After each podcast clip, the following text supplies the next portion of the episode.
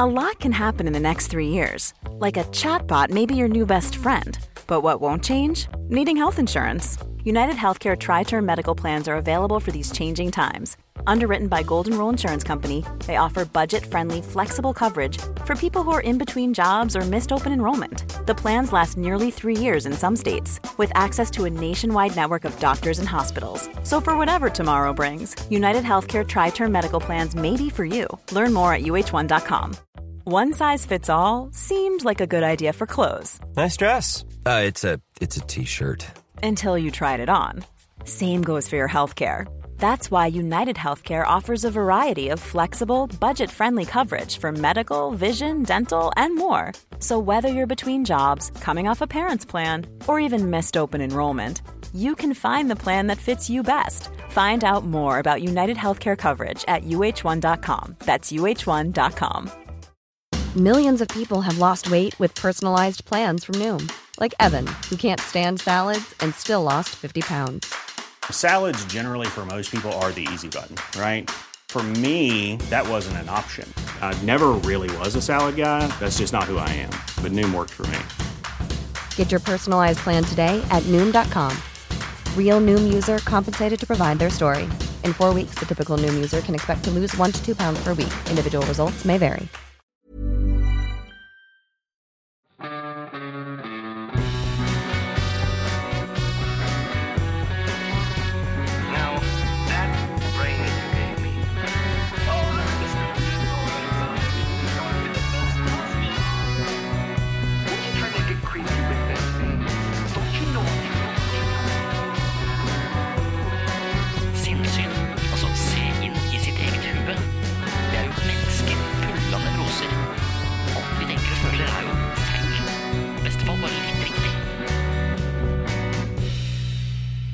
Da er jeg ute og rasler med sabelen igjen, og denne gangen sammen med komiker og sykepleier Lars Berrum, historiker og ekspert på New Public Management, Linn Herning fra For velferdsstaten, og det er blant andre Solbjørg Thorheim Hanitz i regi av Psykologforeningens lokallag i Sogn og Fjordane, som inviterer til en fagdag om nettopp New Public Management i sykehusene. Jeg har vært på denne krigstiden her før, og jeg hadde vel egentlig tenkt at jeg var for gammel for en ny runde, da jeg vet at det er få ting som hisser meg mer opp enn styringssystemer som opererer direkte antidemokratisk med en utpreget ovenfra og ned-holdning. Jeg blir krenka. Jeg kan egentlig innrømme det med en gang, jeg blir fly forbanna.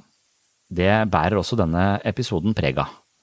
For meg og min egen helse er det best å ikke tenke på vanvittige målings- og styringssystemer i helseforetakene, simpelthen fordi pulsen min stiger opp over anbefalt eh, terskelverdi, og det tar lang tid før jeg klarer å puste meg ned i god balanse. Jeg skal altså tilbake til en trend som har herjet i vårt samfunn siden 80-tallet, og det går under navnet New Public Management. Det er mange områder i offentlig sektor som har fått eh, prakket på seg en mal hentet fra privat næringsliv for å effektivisere i det offentlige. Hensikten er bedre oversikt, mer kontroll på tjenestene som utføres, faste standarder som gjør at eh, alle får lik behandling, og ikke minst mer effektivitet som betyr mer penger å tjene. Jeg er først og fremst fokusert på min egen arbeidsplass, altså et av landets helseforetak, men Linn Herning, som har skrevet doktorgrad på temaet, klarer å vise oss hvordan dette er en modell som i stigende grad gjennomsyrer samfunnet vårt. Og selv om hensikten tilsynelatende er god, er bivirkningene også kraftige. Som arbeidstaker i offentlig psykisk helsevern rammes jeg av bivirkningene, og i dette tilfellet overstiger de negative bivirkningene de gode intensjonene. Kort sagt drives helseforetakene etter bedriftsøkonomiske prinsipper som blir viktigere enn de helsefaglige vurderingene. Helseforetaksmodellen er med på å gjøre om helsesektoren til en samlebåndsindustri der offentlige sykehus drukner i byråkrati og målkrav til innsats. Modellen ble innført i norske sykehus i 2001 som en del av en omfattende sykehusreform. Professor i offentlig politikk Noralv Vegland ved Universitetet i Innlandet på Lillehammer er flink til å utkrystallisere kjernen i problemet, noe han uttaler i dagens perspektiv. Sykehusreformen var en markedsliberalistisk reform med New Public Management som styringsform. Med foretaksmodellen kom det store forandringer. Todelt ledelse ble forkastet på prinsipielt grunnlag. Ledelse skulle utvikles som eget fag uten helsekunnskap. Fagledelse ble nedprioritert, økonomi ble eneste fokus, sykehuset skulle bli mer likt andre bedrifter, og regnskapssystemet ble endret til et forretningsregnskap som i privat sektor. Det ble målstyring, flere regler, mer kontroll og byråkrati. Foretaksorganisering betyr ut av forvaltningen og inn i New Public Management.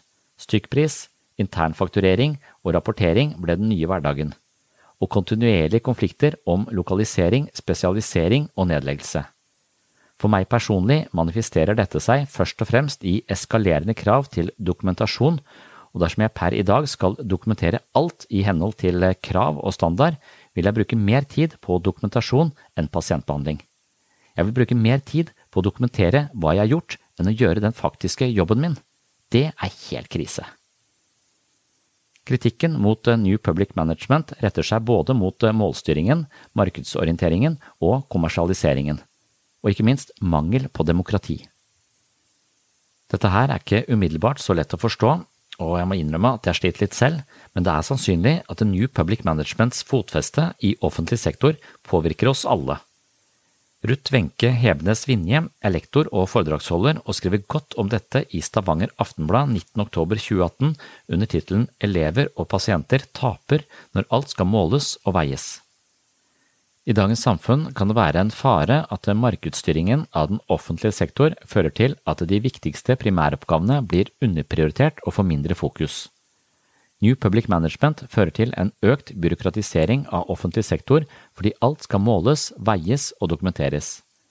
New Public Management er en betegnelse på denne fremgangsmåten der man bruker styringsprinsipper fra den private sektoren for å gjøre den offentlige sektoren mer effektiv. Målet er at bruk av markedsorientering skal gi et mer kostnadseffektivt tilbud i den offentlige sektoren. Disse styringsprinsippene vil fungere i en bedrift som blir styrt etter markedsøkonomiske prinsipper, der hensikten er å tjene penger. Målene i den offentlige sektor er derimot mer kvalitative og dreier seg om å ivareta samfunnets viktigste oppgaver.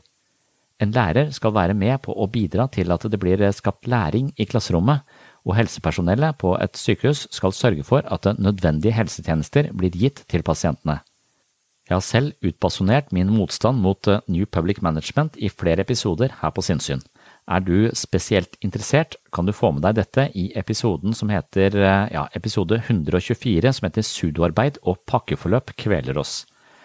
I den episoden snakker jeg mye om at sudoarbeid er meningsløse arbeidsoppgaver.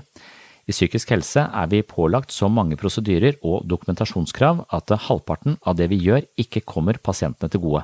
Vi drukner i det jeg da kaller sudoarbeid.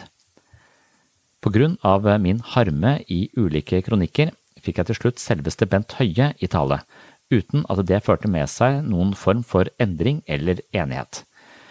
Det kan du høre mer om i episode 127 som heter Irritert og nervøs med Bent Høie.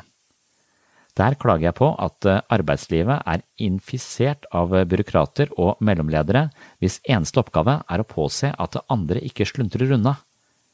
Det medfører så mye kontroll og målinger at man ikke får tid til å gjøre jobben sin.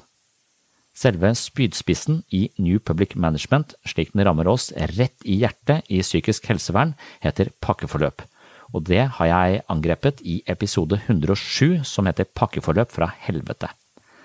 Helsebyråkrater finner stadig vekk på nye reformer for å løse problemer de ikke forstår, og altfor ofte gjør de vondt verre. Nå skal jeg ikke klage mer, for det kommer mer enn nok klaging i den følgende timen, men jeg vil advare deg litt mot mitt humør denne dagen. Jeg blir bøs når jeg føler meg undervurdert, oversett og overstyrt. Jeg blir litt barnslig og litt vulgær, både fordi det gjør underholdningsverdien litt høyere, men også fordi jeg mangler litt impulskontroll. Alt sammen kommer til overflaten i mitt møte med den fabelaktige komikeren Lars Berrum, som var ordstyrer denne dagen, og Linn Herning, som virkelig har innsikt i fenomenet New Public Management. Mens jeg opererer mest på en magefølelse av at noe er galt i helseforetaket, kan Linn Herning gi meg den eh, faglige begrunnelsen som bekrefter min magefølelse. Velkommen til en dag om New Public Management i Førde, Sogn og Fjordane. Selv sitter jeg hjemme da jeg dessverre ikke hadde mulighet for å reise til Førde denne fredag 20. august 2021, men jeg deltar så aktivt jeg kan via digitale løsninger. Men eh, disse løsningene gjør at lyden på min stemme er ok, men lyden fra Førde er dessverre ganske dårlig. Jeg velger likevel å sy sammen en episode om New Public Management basert på denne dagen, da jeg mener det er en uhyre viktig sak som ligger ved kjernen av all den misnøyen både behandlere og pasienter opplever ukentlig i sine møter.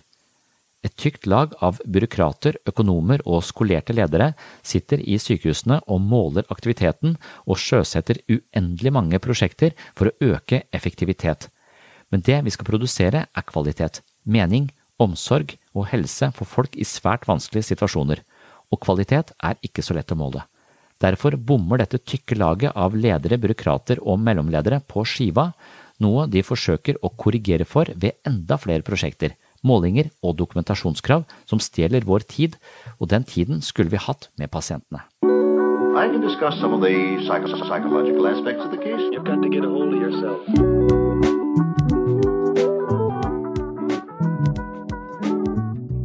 Well, I suppose we could form uh, an interdepartmental committee to examine the feasibility of monitoring a proposal for admitting patients at an earlier date. How long would that take to report? Oh, not long.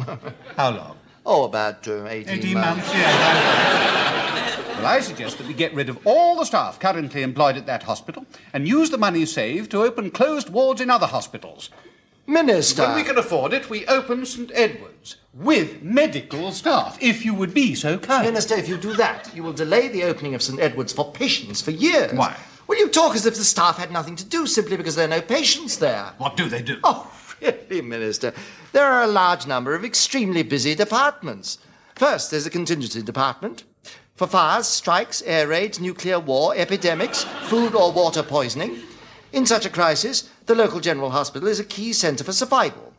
Then there's the Data and Research Department, who at this moment are conducting a full scale demographic survey of the catchment area.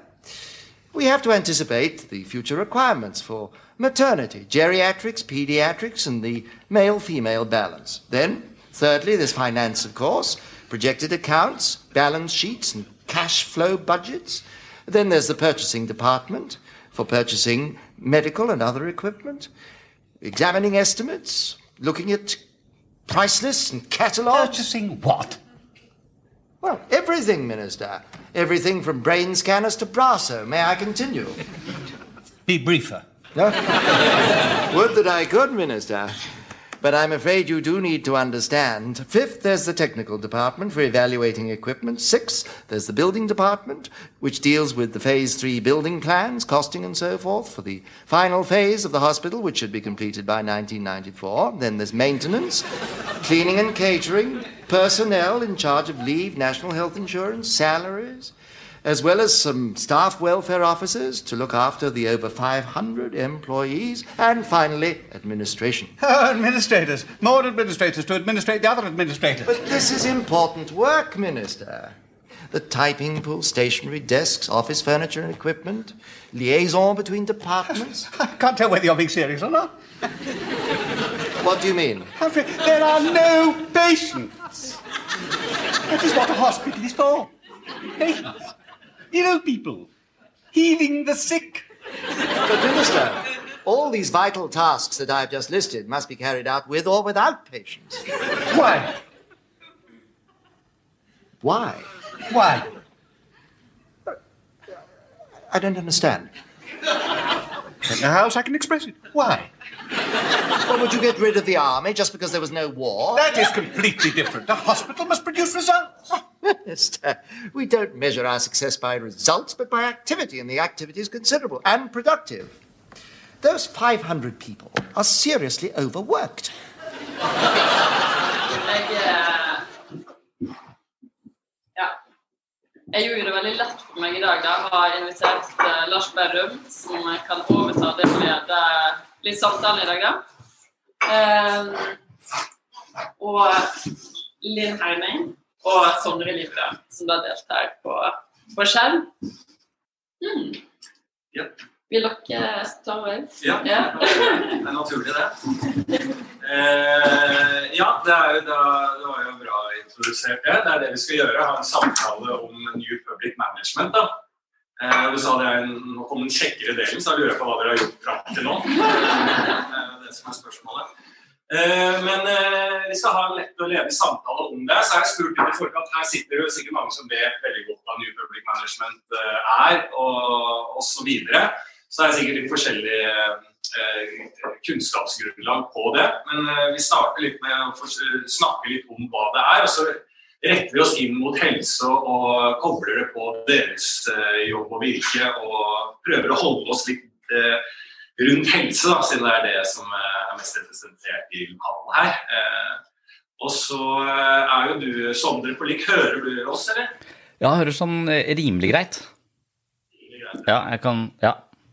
Jeg snakker jo veldig høyt nå. Eh, og så er du på link, så det, eh, det kan jo bli litt sånn eh, vanskelig at eh, man henger seg på at vi får en samtale der vi avbryter hverandre. sånn, Så jeg kommer til å legge litt opp til at eh, du får litt mer innlegg, tror jeg er lurt, i hvert fall i begynnelsen, så ser vi hvordan det fungerer. Ja. Du ser, vi ser deg veldig bra her, da. Det er fint. Ja, jeg ser dere også, også godt. Det er, det er litt rart at du er på svær skjerm her, for det, det bryter veldig med konseptet til det du ser meg, føler jeg. Ja. Jeg var, jeg var egentlig veldig klar for å komme, men så viste det seg at det tok en eh, liten uke for meg å transportere meg selv til eh, der dere er. Og, og tilbake. Jeg ville være tilbake på søndag kveld, og det, er, det var elendige flyforbindelser. Nå bor jeg i utkantstrøk, jeg bor i Kristiansand, så det Ja, da kan du takke deg selv. Ja. Men eh, jeg tenkte egentlig Sandra, jeg vil snakke med deg som jeg altså si at jeg er, eh, jobber for sykepleier også, så det er jo på en måte linken til hvorfor jeg snakka på Lindbohoden. Eh, mine følelser rundt eh, New Public Management da, og, og jobber nå som sykepleier. Eh, og Sondre, du kan jo egentlig introdusere deg litt eh, selv eh, først. og så kan vi gjøre det etterpå. Så har vi en eh, generell introduksjon av dere. Ja. Eh, Jeg jobber eh, med gruppeterapi til, til daglig. Og så har jeg vel eh, sånn Litt sånn temperament som jeg, at jeg blåser meg opp over ting. Så det var for et par år siden, var det vel, så, så ble jeg sånn ja, jeg, jeg følte vel kanskje at jeg var lammet av det som kaltes for meningsløshetsstress. Som, hvor jeg bruker for mye av tiden min på ting som ikke flytter noe som helst i den virkelige verden. Og at jeg hele tiden måtte eh, avslå eh, folk som ønsket å ha en prat, eller som ønsket eh, ditt og datt. For hvis jeg skulle prate med de, så måtte jeg jo skrive journalnotat. Hvis jeg skulle skrive journalnotat, så måtte jeg sitte overtid. Og hvis jeg skulle sitte overtid, så blir kona mi forbanna, og så får jeg ikke vært med på fotballtrening med barna mine. Så jeg brukte så jævla mye tid på, på ting som, som jeg mener egentlig er bortkasta. Og det kan være at det er til en viss grad vi må, vi må journalføre og, og litt sånn, men vi er nødt til å finne ut av hvor mye av dette vi skal bruke tida vår på, og hvor mye vi skal faktisk møte, møte mennesker. Så, så det var, ja, det var en periode hvor jeg leste denne sudoarbeid-boka til disse danskene. Og så leste jeg denne Bullshit eh, Jobs til han eh, David Grieber. Og, og begge de bøkene syns jeg var utrolig morsomme. De var, ut, var komiske, men også dypt og inderlig tragiske, da.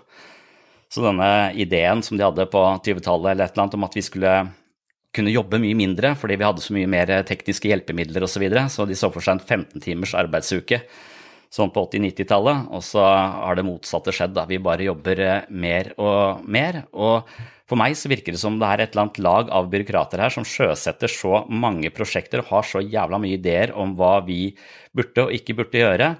Og så, og så sitter de og tenker ut dette her, og så, og så pumper de dette ut, og så vil de ha tilbakemeldinger, og så må vi sitte der og gi de tilbakemeldinger og sette i gang prosjekter og fylle ut skjemaer osv. osv.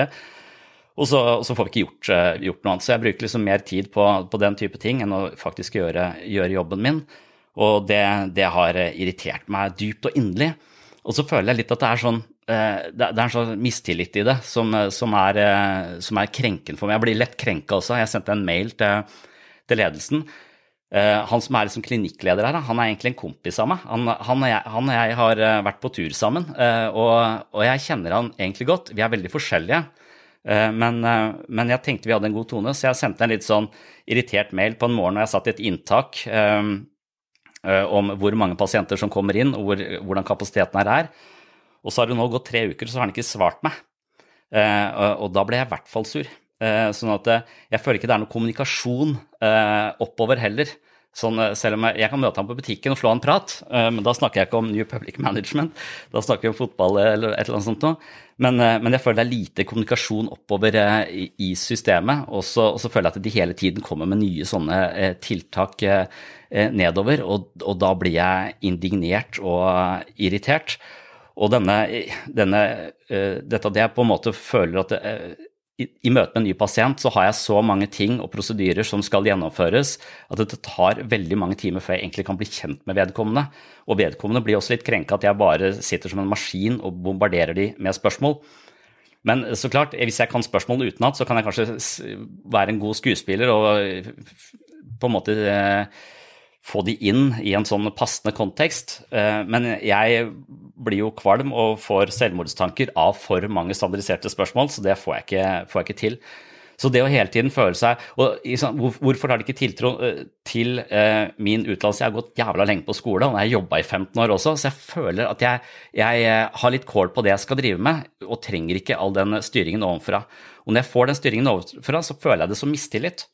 Og når jeg føler meg anklaga, så begynner jeg å forsvare meg. Og når jeg begynner å forsvare meg, så er jeg jo på en eller annen måte skyldig. Det er liksom den dynamikken jeg husker, jeg, Nå er jeg gift, da, det, det, er bra. Jeg hadde en kjæreste en gang som var ganske sjalu, og hun spurte alltid hvor jeg hadde vært hen.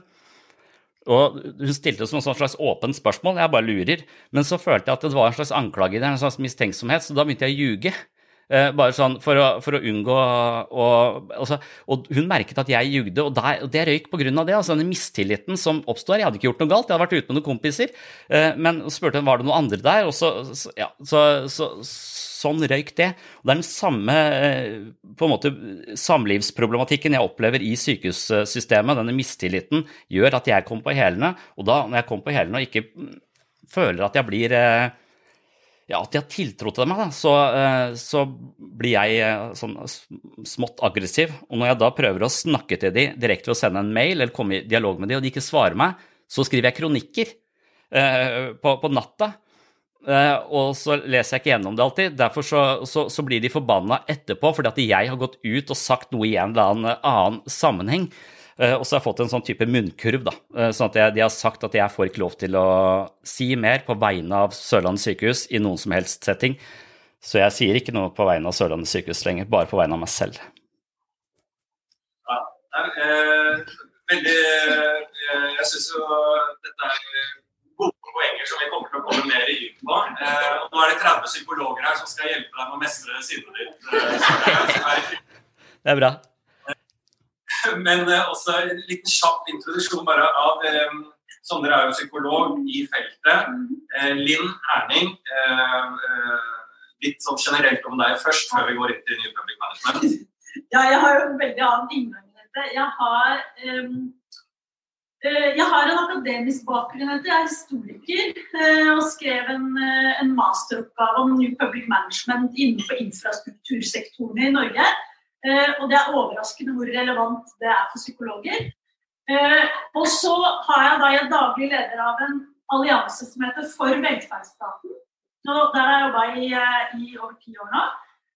Og det er en allianse av fagforbund og andre organisasjoner som på slutten av 90-tallet gikk sammen og sa nå må vi stå sammen om noen ting i forsvar for velferdsstaten. Og Der er det på en måte tre hovedpilarer som vi jobber med. Eh, vi jobber mot privatisering av offentlige velferdstjenester. Og så jobber vi da med styringssystem i offentlig sektor, som er det vi skal snakke om i dag.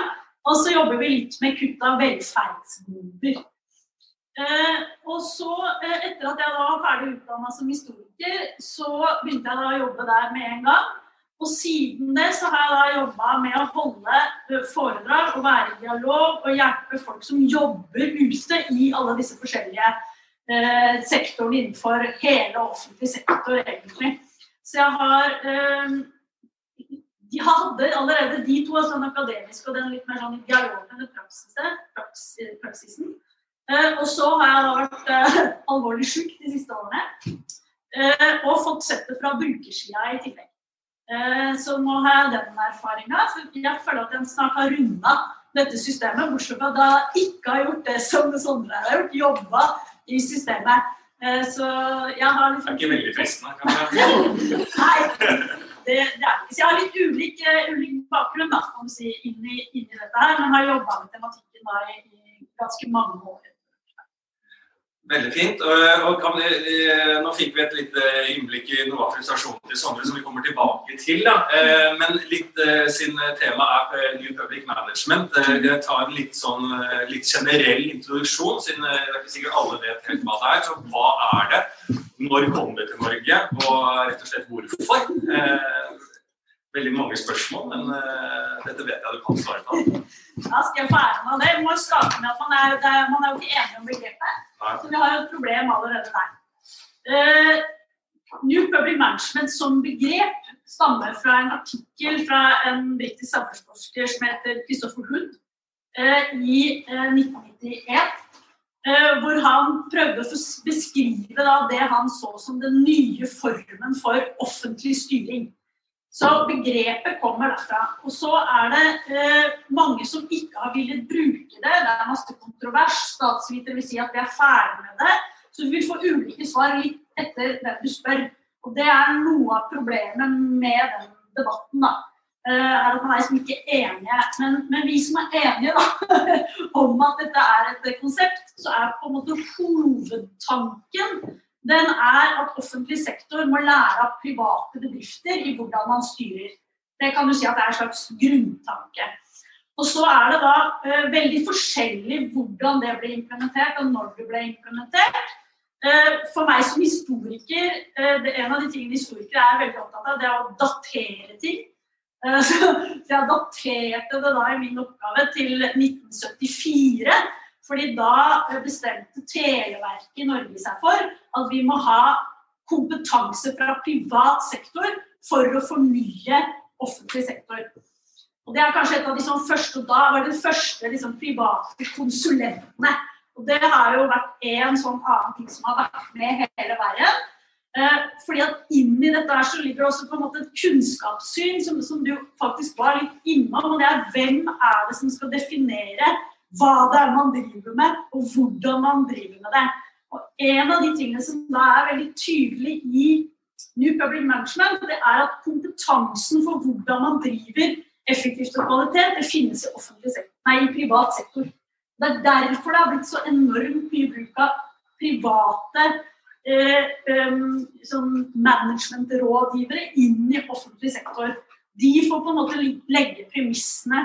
Det ser vi i så å si alle reformer fra eh, da, slutten av 70-tallet. Det starta jo i Televerket og den typen ting, og så kom det etter hvert innover i andre typer. Og kanskje det best, altså det som er det tydeligste eksempelet på New Program Management i Norge, det er helseforetaksreformen. Da gikk det jo eh, det fra å være sykehus til å være helseforetak. Og en tydeligere etterligning av på en måte det bedriftsmessige er det ganske vanskelig å finne. Og så eh, får du da den logikken om at eh, det er eh, det, som, det som driver eh, Det er en slags form for konkurranse. Og da må man måle på bunnlinja. Og det er jo det som jeg mente er hovedproblemet. Det er jo å finne bunnlinja i offentlig sektor. Altså, hva er, det, hva er det på en måte som er resultatet i offentlig sektor? Og mye av den dokumentasjonskravet som kommer, er et slags forsøk på å finne, den, finne det resultatet. Hva er det dere driver med? Hvordan kan vi få dokumentere det? Eh, og det er jo en veldig enkel logikk i en privat bedrift. For da er det, det er et eller annet man produserer, og du har en helt reell bunnlinje. Altså en, en privat bedrift skal gå med overskudd, så du har en helt reell bunnlinje. Mens det man da holder på med innenfor offentlig sektor, det er enten å skape en slags sånn kvasimarkeder, som det delvis er. altså Hele DRG-systemet i sykehusene f.eks. er et slags forsøk på å lage liksom, produkter og priser. Eh, DRG kan du forklare ja, det er, ja, DRG det er diagnoserelaterte grupper. Og det er da det som genererer eh, penger da, i det som kalles for innsatsstyrt finansiering. Altså den delen av sykehusene som på en måte, der man får penger etter produksjon. Da, kan du si. Eh, Og hele den måten å tenke på, det er jo sånn henta fra, fra det private. Og så har du en annen drivkraft også, og det er jo som er et litt mer sånn evigvarende problem i offentlig sektor. Og det er forholdet mellom de, som styrer, og de som blir styrt. Eh, og det er jo, uh, som var Sondre veldig inne på, at det der, er- altså de som kontrollerer og dokumenterer og, og sånn, de, det er også en slags maktforskyvning. Da, at den dokumentasjonsdelen er de som på en måte skal definere hva som skjer. Eh, og da blir det viktig eh, blir det viktig å ha en, ha en dokumentasjon, og gjerne så objektivt og så målbar som mulig. Eh, fordi det er det på en måte styringspremisset. Det er at man skal måle en slags form for produksjon. Og så skal man da, hvis man skal kunne få til det, så må man generere denne dokumentasjonen og statistikker og alt mulig sånt nå. Og så skal man da styre opp på det. Jeg pleier å si at New Public Management er et system som er, har mer og mer rasjonalitet og fungerer mer og mer jo lenger unna du er det, det man egentlig driver med. altså hvis du sitter på toppen i helse, eh, Helsedepartementet og ser liksom OK, nå går antall liggedøgn ned, nå, er, nå går ventelistene ned, nå går ikke sant, Sånne type ting. Så ser dette her veldig bra ut. Men så ser de som på en måte eh, er helt på, på grunnivået i dette systemet, ser at de tallene som man mater inn, der, der oppstår det et problem. Vi snakka litt om det i går. At eh, ja, du kan få ned ventelister f.eks. veldig lett. Det vil si at vi tar inn folk til en vurdering. Og så er de på en måte, da er de, de flytta fra en kø til en annen kø. Og sånne type ting blir det hele tiden i et sånt system. Og det blir Det gir, er veldig rasjonelt, veldig rasjonelt oppover i systemet, men det blir veldig press på de som da skal utføre disse tjenestene. Det var langt, men det er ikke så lett å ta det på. Nei, jeg syns det var eh, det er veldig Jeg synes det var konsist, jeg. Ja. Eh, og så eh, kan vi også si at på slutten så åpner liksom Hvis det er tanker eller spørsmål og sånn, så kan eh, dere også kaste det inn eh, og være med.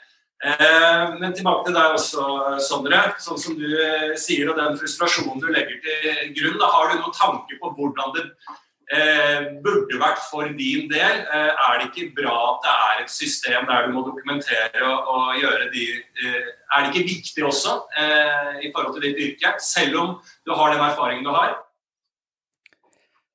Jo, jeg tror helt sikkert det er viktig å, å ha en viss grad av dokumentasjon. Så jeg har motstand mot det, men, men jeg innser at det, det må til.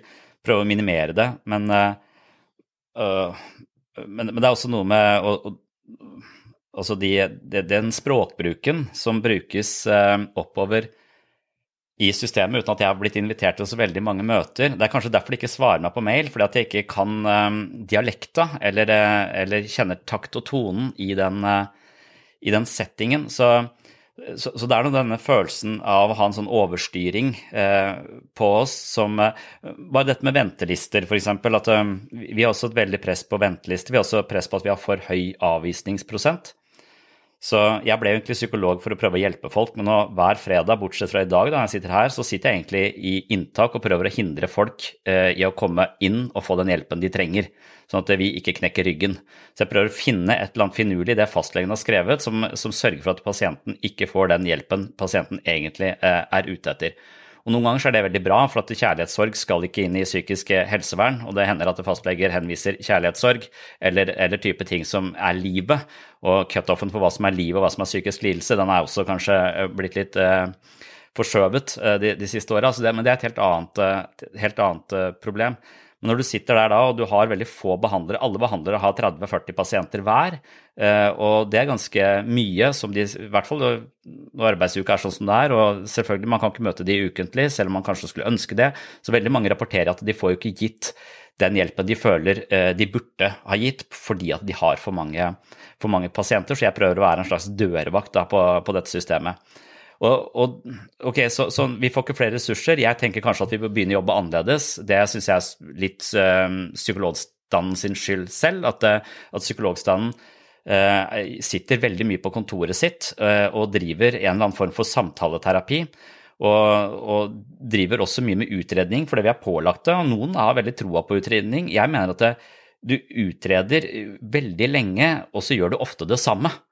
Hvis utredningen hadde Å ja, det var det, ja, da skal jeg gjøre det istedenfor det. Altså, da skal jeg drive en helt annen form for samtaleterapi. Hvis det har vært en konglomerat av ulike behandlingstilbud, avhengig av hvilken diagnose. og Det er det til en viss grad, men jeg tror vi kunne av det lettere enn, en det vi gjør nå. Også det trenger kanskje noe eksponering, så det er noen sånne, sånne, ting. Men stort sett så sitter vi på et kontor og snakker med folk. Eh, så uh, uansett om de har depresjon, angst, personlighetsforstyrrelse eller, eller hva, det, hva det skulle være. Jeg mener at vi bør drive annerledes. Jeg mener at vi også bør uh, trene. Uh, vi bør uh, snakke om kosthold, vi bør snakke om seksualitet, vi bør lære oss å meditere. Jeg tror det er mange ting som jeg har klart å implementere der, der jeg jobber. fordi at jeg driver først og fremst med psykoterapi og trening. For at jeg, jeg, jeg, liker ikke å trene, men jeg er redd for å dø, og så har jeg tre barn, så jeg får ikke trent på ettermiddagstid. Så derfor har jeg starta en treningsgruppe for pasienter på jobb, hvor jeg trener selv. Eh, sånn at jeg, sånn at jeg får forstått eh, For jeg spurte ledelsen om jeg fikk lov til å trene i arbeidstida. Det var nei. Jeg har ikke kjangs på ettermiddagen, altså.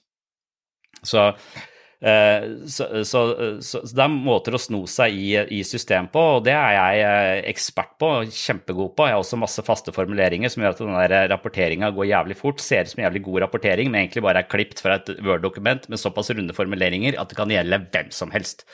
Eh, eh, så der har jeg også eh, funnet snarveier.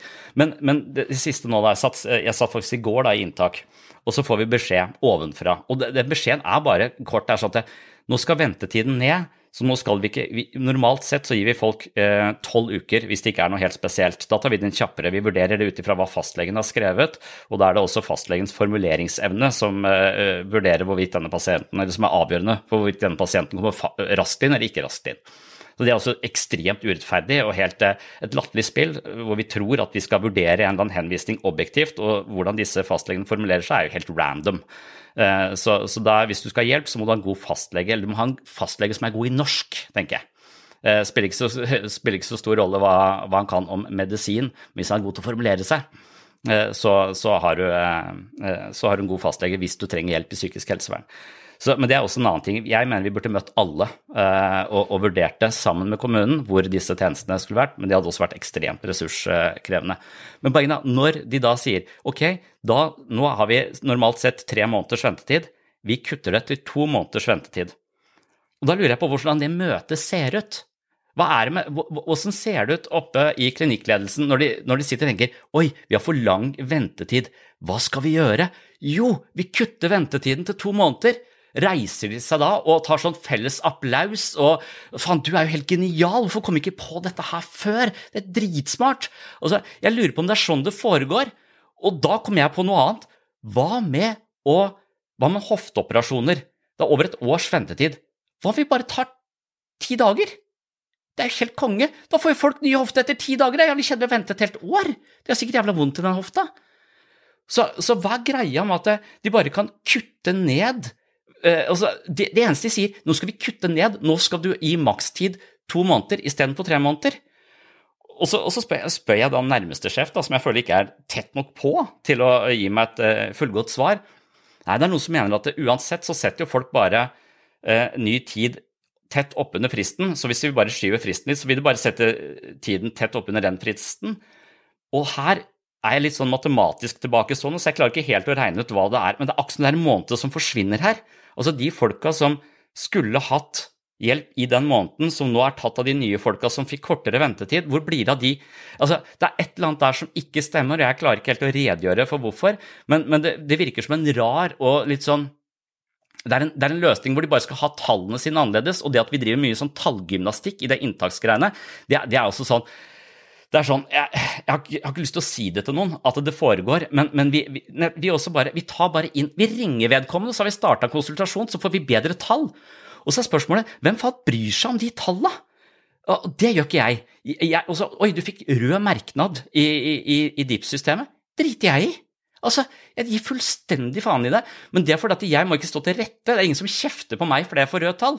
Det var det på barneskolen, hvis jeg ikke skrev riktig eller fikk sånn smilemann og sånn. Men nå, nå jeg blaffen i det. Men de folka som er litt over meg, de er veldig opptatt av disse tallene, og de føler en slags sånn personlig investering i om disse tallene er eh, på stell eller ikke. Og jo bedre tall, jo mer stolthet. Jeg, jeg, jeg skjønner ikke helt Men du får ikke noe mer lønn. Du, du, du får ikke, ikke sant? Hva, hva, Hvorfor vil du at de tallene skal være så jævlig bra? Hvorfor vil du ikke bare at de skal reflektere virkeligheten, sånn at vi kan komme i en eller annen form for balanse og illustrere at vi, ja, vi mangler kanskje litt kapasitet hvis vi skal ha så mange pasienter inn i dette systemet? Og så Har du vært i de møtene? Skjønner du hva som foregår i de, i de møtene?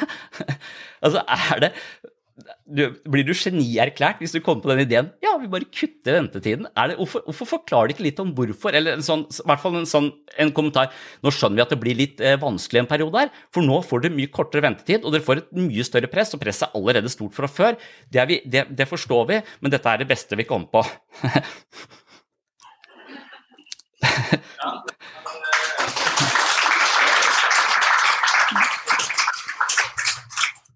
Det er, eh, så vidt jeg har forstått med New Public Management og samtaler med deg, så det er jo det veldig, eh, et veldig riktig bilde på litt av den strukturen som skjer eh, ved at det kommer inn flere direktører, konsulenter, som ikke på en måte har den bakgrunnen fra helse overhodet, at det blir mindre og mindre av. og at en avdelingssykepleier på der jeg jobber, på en måte har liksom ikke eh, vårt ansvar, men jeg har et svareansvar.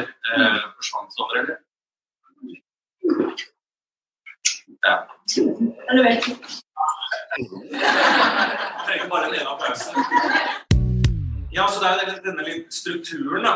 Eh, der er du tilbake, Sondre. Eh, denne strukturen der en eh, avdelingsleder på jobben min på en måte ikke jobber eh, Følelsen av å jobbe for oss Det er jo sjefen vår, men det er ikke følelsen av at den personen jobber for oss, men heller er en budbringer opp igjen og gir oss beskjed om dette DGR-systemet, hvilke ting vi må rapportere for at vi får mer penger. Ikke ta så mye brød, for vi skal spare inn. Altså, det er på helt det nivået. Og det er bare nyheter om hvor vi må spare inn, og eh, flere og flere pasienter. Bare på det, eh, den lille tida jeg har hatt eh, på en måte et sånn comeback som sykepleier under korona, og sånn, så har det blitt flere og flere pasienter på hver sykepleier. Og en sommer der de slår, der jeg jobba på ortopedisk avdeling, som er på en måte sykehusets pengemaskin. da.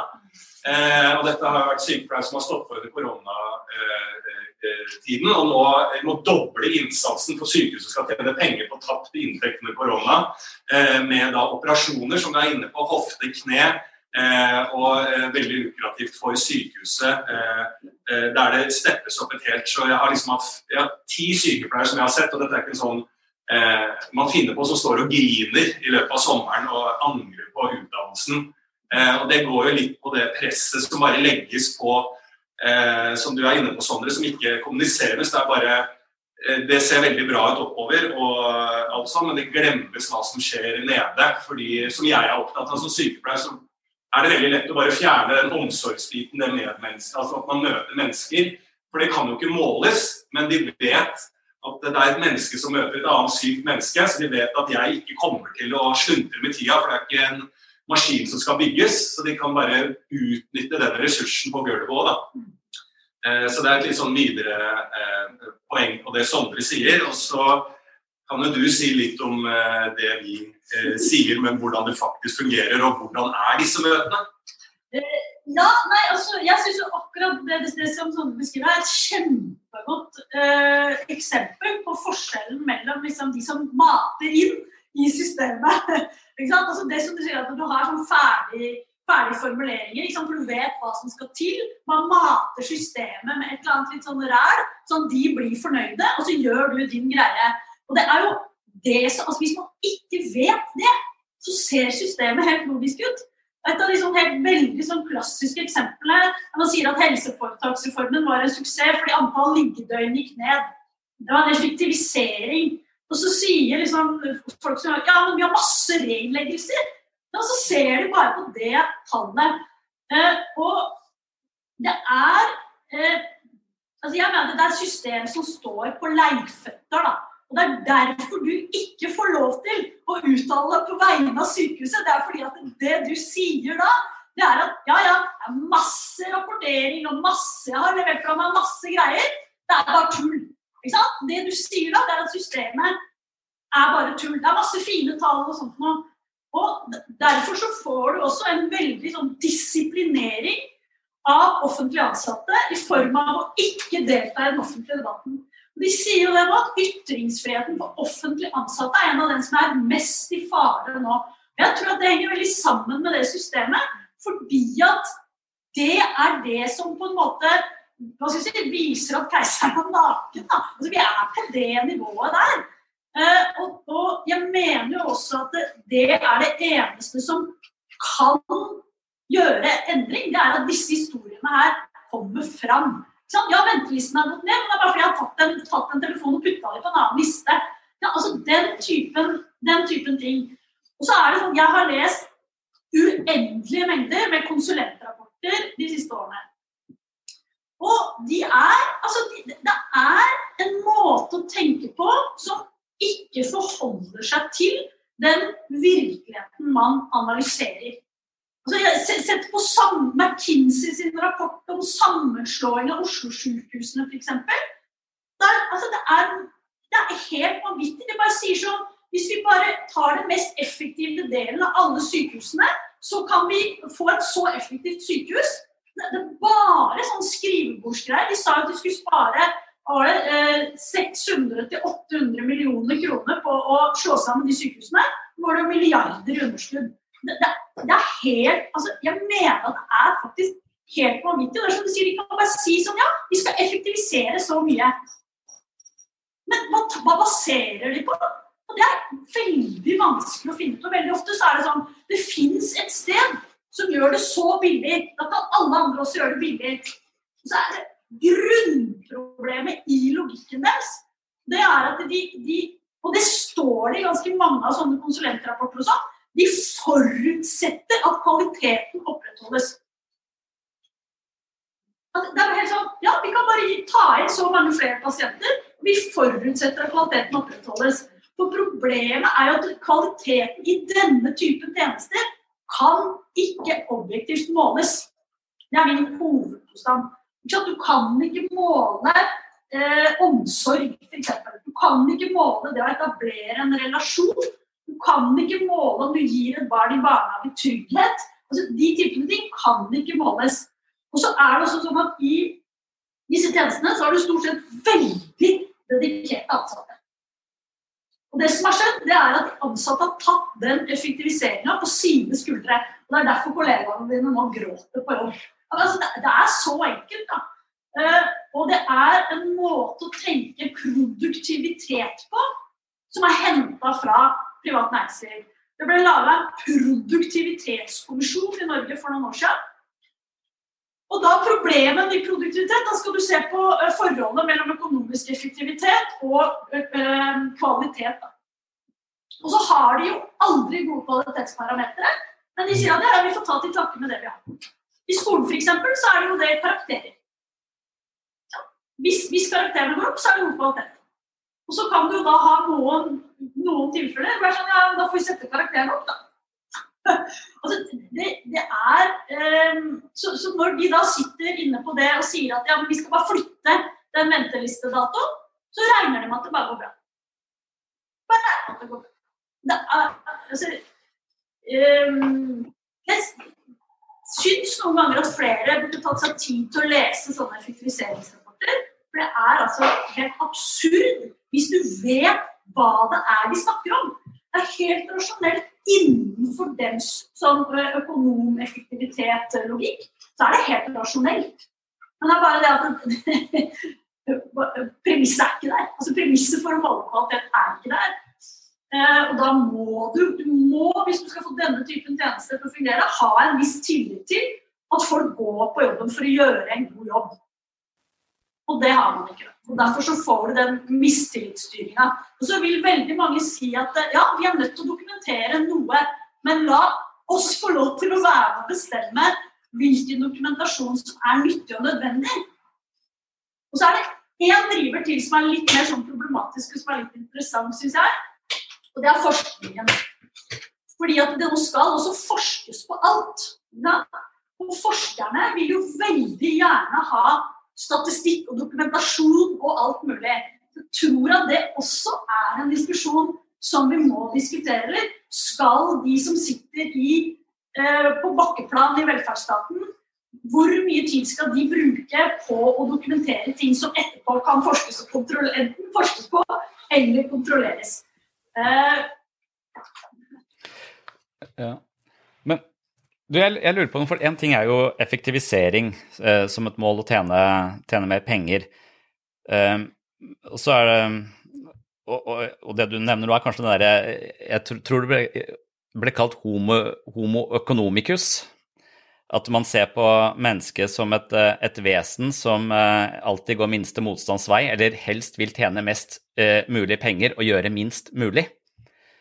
Eh, og, og jeg tror ikke at mennesker eh, Eller det er liksom Hvis det stemmer, så er det litt trist, da. Men det er ikke min erfaring av mennesker at de egentlig vil gjøre minst mulig. Jeg tror at Hvis de tror de vil gjøre minst mulig, så er det en misforståelse. For da dør du av meningsløshet eh, og apati på et eller annet tidspunkt.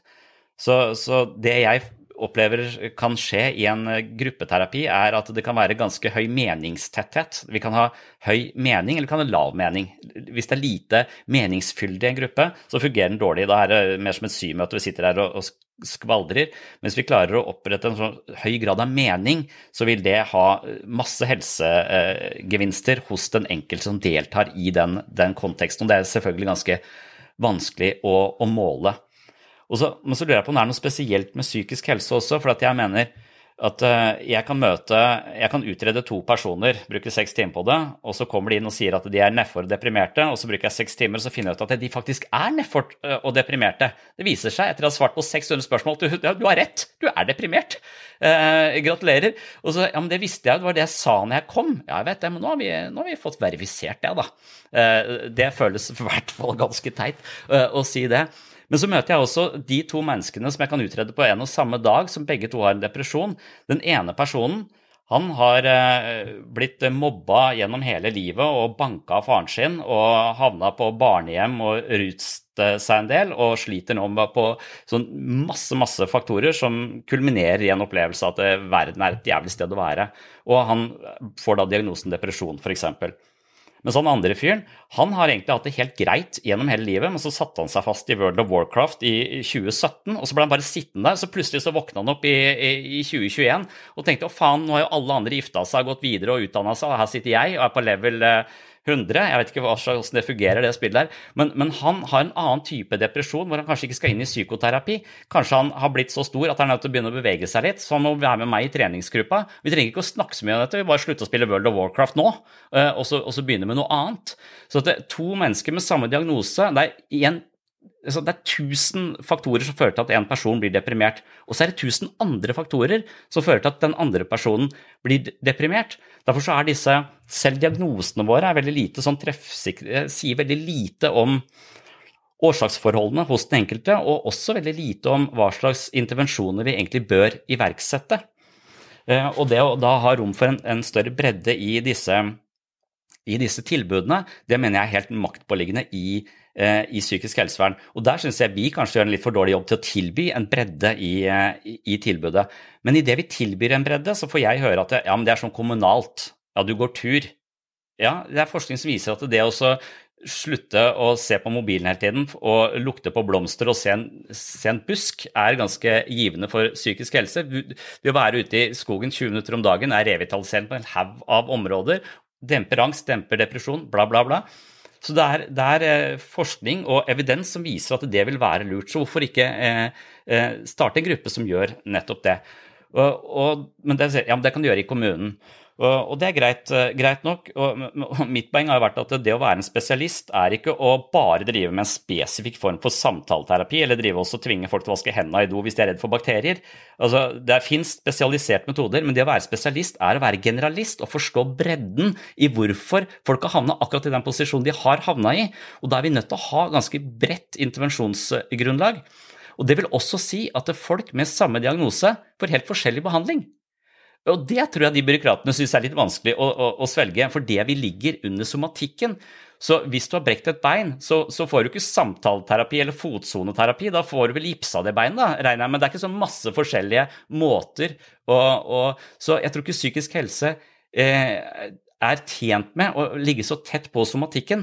For jeg tror de som styrer det, eh, sammenligner det litt, eh, litt for mye. Og da opplever jeg at vi får en sånn um, Altså, vi må utrede, vi må standardisere for alle som har den, den skal få, få, den riktige behandlingen og den riktige diagnosen. Og at, at, det der sånn ligger en sånn type idé om likhet for loven også, som, eh, som kanskje at vi skal standardisere det sånn at, alle, sånn at det ikke blir urettferdig for folk. Hvorfor fikk han turgruppen og jeg fikk samtaleterapi, og han fikk yoga? Altså, hva, hva, er, eh, hva er greia? Vi har jo samme diagnose alle sammen. Og at det er et eh, at det er byråkratiet sitt, uh, sitt mål da, er å sørge for likhet for loven, samme i Nav-systemet. Så, så, jo mer på en måte operasjonalisert og standardisert og regelstyrt og robotaktig du kan være som menneske i møte med den andre, Svarer du nei der, så får du ikke det. Svarer du ja der, så får du det. Er du så, så høy, så får du det. Du så, så, så, du har helt klare parametere for hva som gir og ikke gir. Og da, da, forsvinner den menneskelige komponenten. Da forsvinner all form for mening. Det er kun en sånn uh, veldig mekanisk måte å, å, være på. Noe som sørger for at alle får likt, men ingen får det de egentlig trenger. Uh, fordi at det ofte må spesialtilpasses litt. Og kanskje at ja, nå Altså på magefølelse og relasjon tenke at du trenger noe litt mer, du trenger, eh, du trenger dette i tillegg. Vi, vi må altså, spesialtilpasse sånn at man føler seg ivaretatt som et helt menneske. I, også i, og Det er sånn kleint å si helt menneske, men jeg mener at det er mange forskjellige eh, behov hos de som, som kommer til meg, eh, til meg, også. Men da vil du ofte få den derre Eller problemet da blir vel trynefaktoren. Hvis alle skal få sånn spesialtilpassa uh, tilbud i Nav f.eks., så er det vel de hyggelige folka som får mye penger, da. Og de som, som oppfører seg er litt grinte, de får sikkert litt mindre. Og det er kanskje de som er grinte, som trenger mest. Sånn, så, jeg vet ikke om du prøver å eliminere en sånn trynefaktorforhold gjennom et byråkrati, mens samtidig så mister du det menneskelige. Og det, er litt den derre altså, jeg er opptatt, altså, Terapi funker hvis det oppleves meningsfullt. og Det kan drive med uendelig mange forskjellige terapiformer, men det er, eh, hvis det oppleves meningsfullt og, og bevegende, så er vi, er vi, inne på noe. Men alle de standardiserte, all den der eh, mekaniske styringa av et møte, drenerer det møtet for mening. Og det opplever også de pasientene som, eh, som kommer inn. Og Derfor så, så, slurver jeg med utredning også, for jeg mener at det, det, det er nesten krenkende overfor en person som har lyst til å fortelle litt om seg selv hvor jævlig vanskelig de har det akkurat nå, og så driver jeg og bombarderer. Det er en hersketeknikk nesten å bare drive og bombardere de med, eh, med spørsmål. Det er i hvert fall ikke spesielt relasjonsskapende. Og så kommer sånne teite ting fra, fra, fra toppen der, som at du, det er en eller annen gjøk som har stjålet noe, eller som har fått noen medisiner i falskt navn her. Sånn at da legger vi inn en ny prosedyre det er veldig enkelt. Nå skal bare alle be om at de nye pasientene legitimerer seg. Og så, faen, Hvis du kommer inn på mitt kontor, vi skal skape, vi skal bli kjent, du er i en jævlig sårbar uh, fase. Du skal inn i gruppeterapi. Jeg blir redd for gruppeterapi òg. Liker ikke folk, egentlig. Uh, det er derfor du har et problem og kommer til meg. Og skal vi snakke om dette. Jeg skal prøve å, å, å skape en relasjon. Det første jeg spør om, er du egentlig Hans Hansen? Altså, det er jo mistillit. Og jeg mener, hvis du er, ikke er Hans Hansen og sitter i gruppeterapi hos meg et halvt år, så er du vel på rett sted, da. Altså, hvis du, hvis du er under falskt navn i et halvt år i gruppeterapi, da mener jeg, da, da har du noe der å gjøre. Da, så, så, så, bare sånne, og, og det er også en sånn ting, Jeg tror at systemet er jævlig redd for å gjøre feil. Og tror skal, det tror jeg vi skal slutte å være så redde De prøver å forebygge feil hele tiden. Sånn at det, så at det, også hvis det skjer en eller annen feil, så skal alle gjøre en eller annen ny prosedyre hver gang. Jeg så, der, jeg så, et intervju med en lege eh, på Rikshospitalet i Danmark. Han, eh, der hadde vært en del fallulykker på sykehuset, så nå skulle alle leger utrede for balanse på alle nye pasienter. Og Når det da kommer ei dame som skal bare ha sånn eh, sjekk for noe diabetesgreier, med en sykkelhjelm under, under armen, så, så driver ikke utreder hun for balanse. Hun sykla hit, for faen! Så, men, men likevel, når han ikke gjør det, så klarer han ikke å hooke av i journalsystemet sitt, så kommer han faen ikke videre. Så han får ikke logga det møtet. Så han sitter fast, han mangler balanseutredninga. Og, og, sånne ting kan forekomme altfor ofte eh, når, når, man sitter så innmari langt fra eh, og, og, ser på hvilke feil som skjer. Så jeg mener at det, slutt å uh, forebygge feil, prøv heller å håndtere de feilene som oppstår. Altså, jeg, jeg mener også kanskje, når, når du flyr noen inn i i to bygninger i USA, eller kommer en eller annen fyr inn på flyplass med en bombe i skoa, så, så, lurer jeg på Da har vi begynt å sjekke alle med sånn metalldetektor i etterkant. Vi bruker sikkert ti minutter ekstra på hver person. Det er en milliard personer som flyr hver dag. Vi bruker et lysår med tid på å sørge for at det ikke kommer en ny bombe inn på et fly. Hvis vi har brukt alle de ressursene på å kolonisere Mars, Jupiter, Eh, så, hadde vi kanskje kunnet bo på en annen planet by now. Altså, men vi hadde kanskje risikert ett fly til i bakken på et eller annet tidspunkt. Altså, jeg tror vi bruker enormt mye ressurser på å forebygge feil. Og, og, og det er også noe av det som driver all denne eh, bullshit-jobbinga, meningsløse eh, testinga og spørsmål om du er Hans Hansen, så ikke du skal få noen feil medisiner her. Ja, Eh, nå skal vi snart eh, åpne hvis det er noen som tenker å ha spørsmål eller noen meninger, så er det bare rom for det. Eh, men er det noen løsning, altså er det noe alternativ? Vi hører jo Til dels så sitter vi også og klager, da.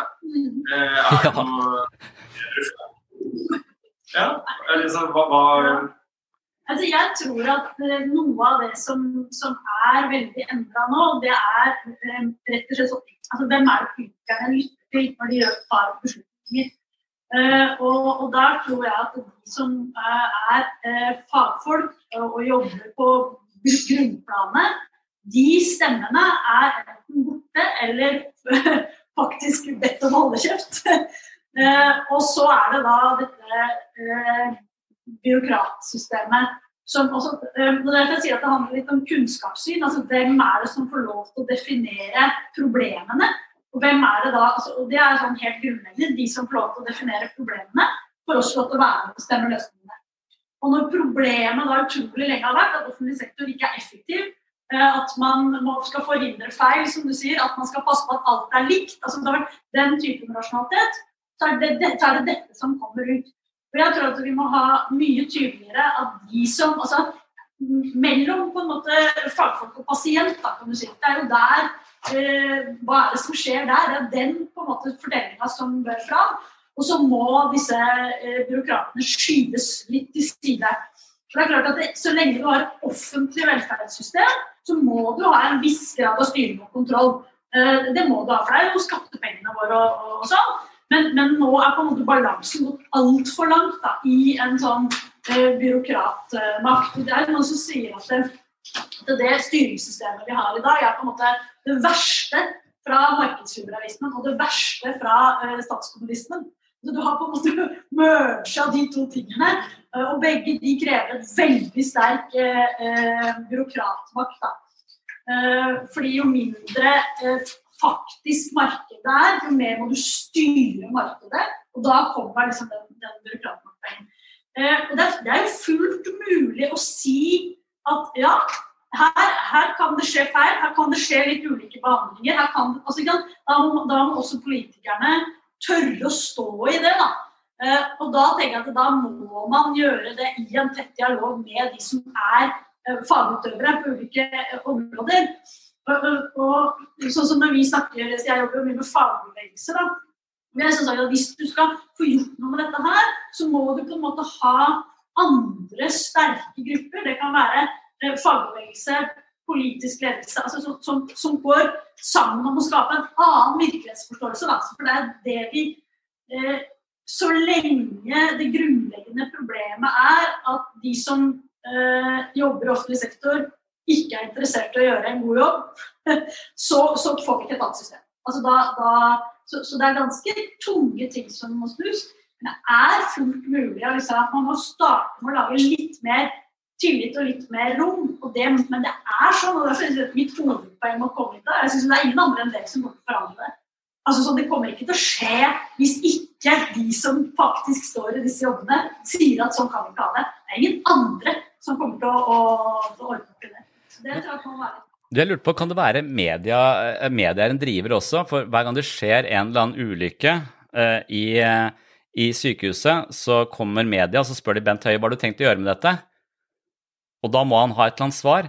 Men hvis han, kanskje hvis han da sa ingenting, shit happens, det, det tror jeg ikke ville, ville skje. Men at det, vi kan ikke drive og korrigere for alle feil, for hvis vi nå skal pålegge alle å gjøre et eller annet sånt nå, så putter vi bare en ny prosedyre oppå de milliarder av prosedyrene vi allerede har, og til slutt så får vi ikke gjort jobben vår kun ved, fordi vi bare driver og forebygger at uh, feil som har skjedd, uh, ikke skal skje, skje på nytt. da.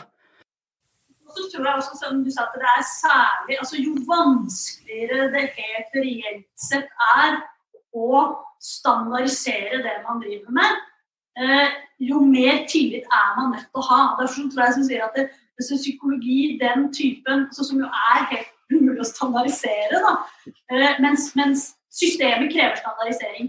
Da må man på en måte eh, eh jeg mener det må komme et opprør mot den standardiseringa.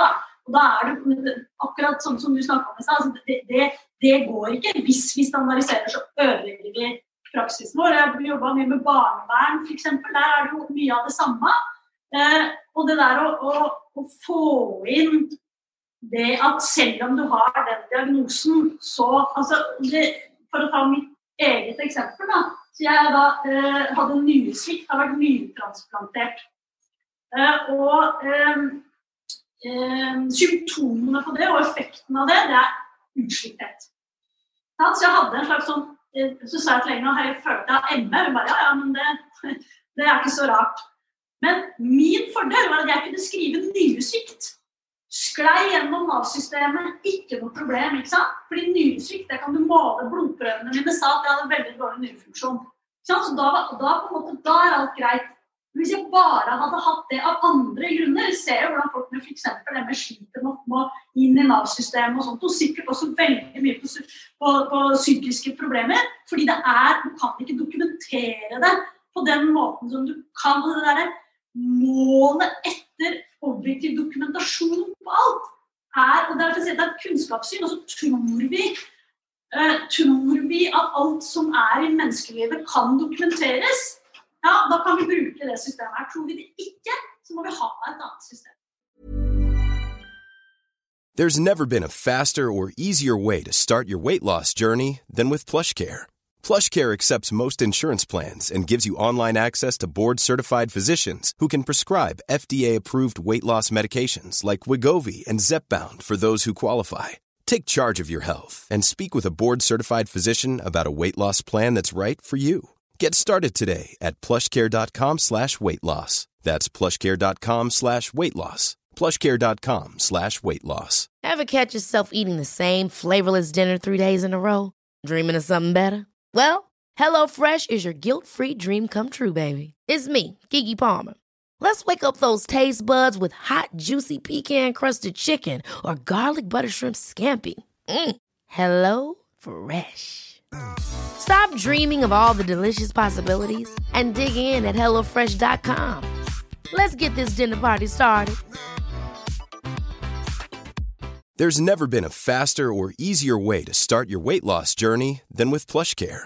PlushCare accepts most insurance plans and gives you online access to board-certified physicians who can prescribe FDA-approved weight loss medications like Wigovi and Zepbound for those who qualify. Take charge of your health and speak with a board-certified physician about a weight loss plan that's right for you. Get started today at plushcare.com slash weight loss. That's plushcare.com slash weight loss. plushcare.com slash weight loss.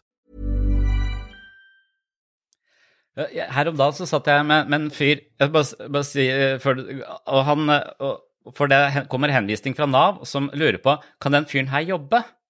Jeg trenger en spesialisterklæring. Og heldigvis så er jeg spesialist da, med røntgenøyne, så når jeg møter en fyr for første gang, så ser jeg umiddelbart om vedkommende kan jobbe eller ikke. Og så hva er det de vil at jeg skal spørre den personen om, som de som har vært saksbehandler for dette mennesket i tre år på arbeidsavklaringspenger, ikke har klart å fange opp? Hva er det de tror at jeg skal klare å utrede eh, hos dette mennesket og finne ut kan du jobbe eller ikke? Du sitter jo bare i en stol på kontoret mitt og svarer på spørsmål. Jeg vet ikke om du kan jobbe, jeg har sett deg så, Vi må ta en øl, da, så må vi prøve å få til et prosjekt sammen. Skal jeg se om det er noe, noe tak i det? Jeg, jeg, kan jo ikke men det, der, det skal bare ha en diagnose, skal bare ha en objektiv vurdering om denne personen kan jobbe. Det er også sånn derre det er tøysespill. Det, den, den, sannheten finnes ikke. Og jeg jobber sammen med en håndverker i, eh, på arbeidsplassen min som driver et verksted, som del av eh, de som er, eh, har alvorlige problemer, jobber på. Og ofte så ser jeg folk som sykt oppegående på mitt kontor. Og så kommer de ned og så klarer de ikke å ta imot en eneste beskjed foran en maskin.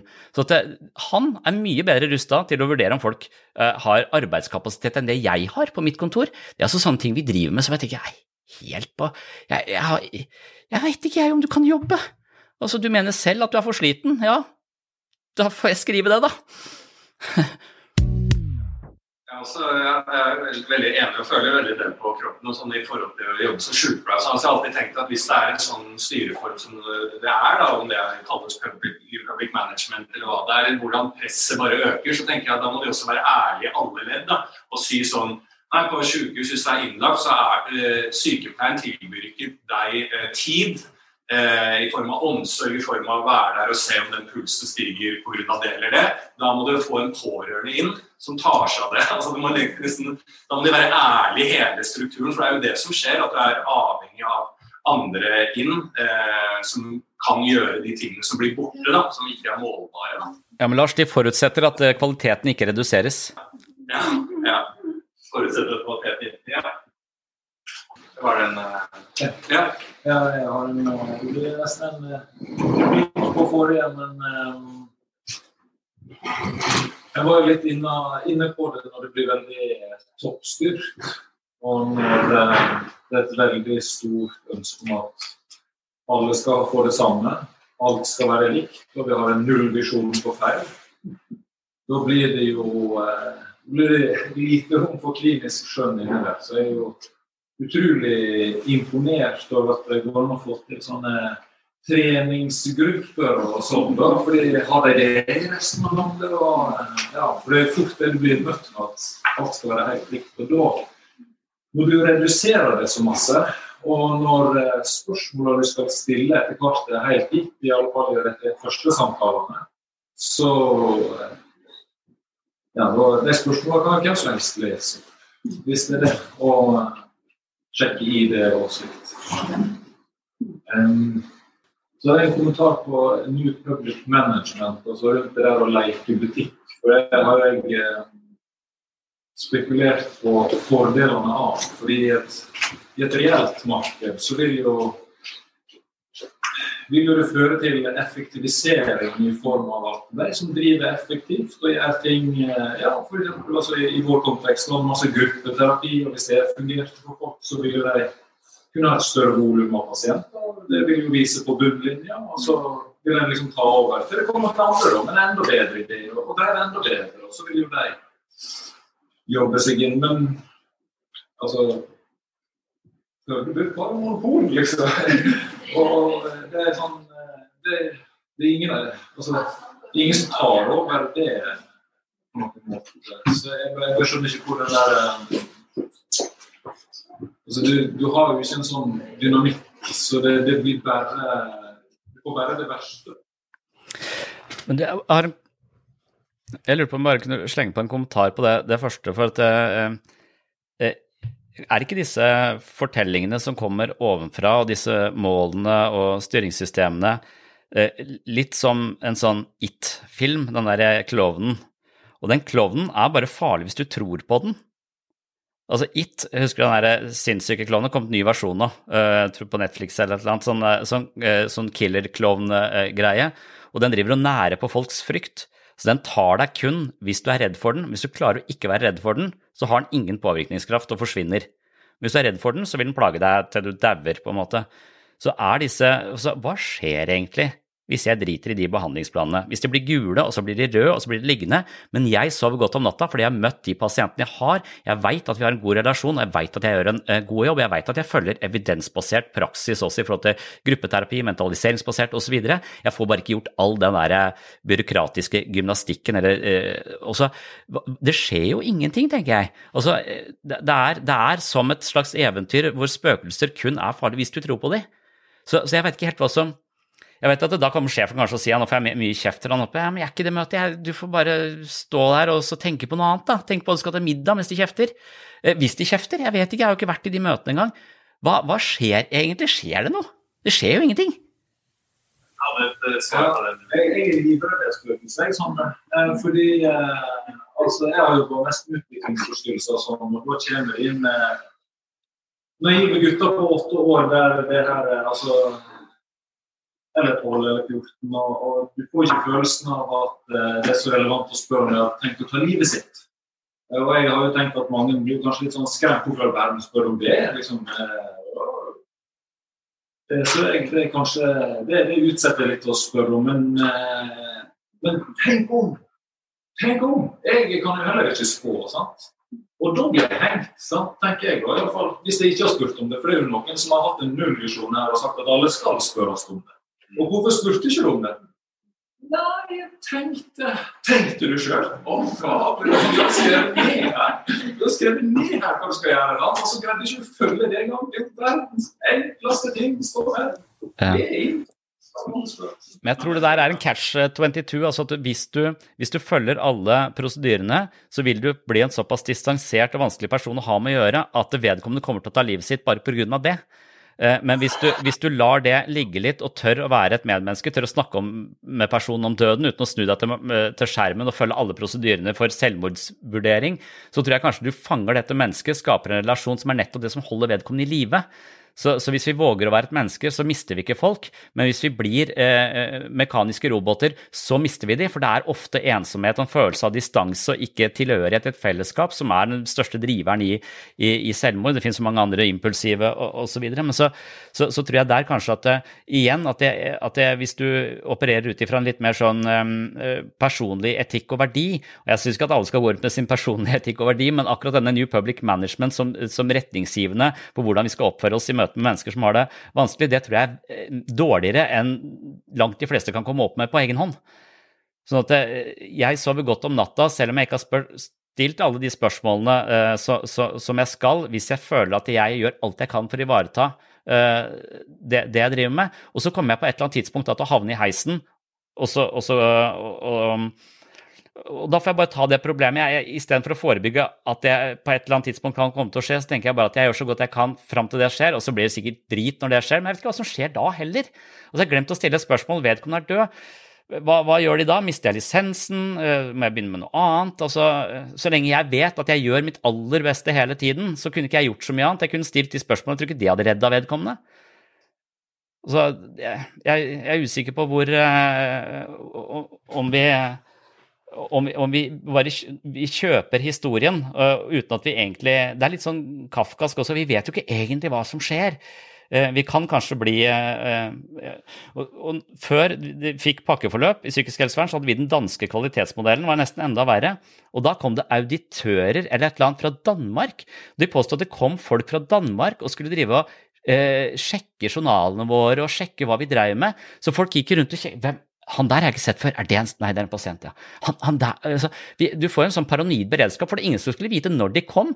Driver jo og sniker seg rundt deg. Jeg har aldri sett dem, jeg bare veit at de er der og sjekker journalene mine.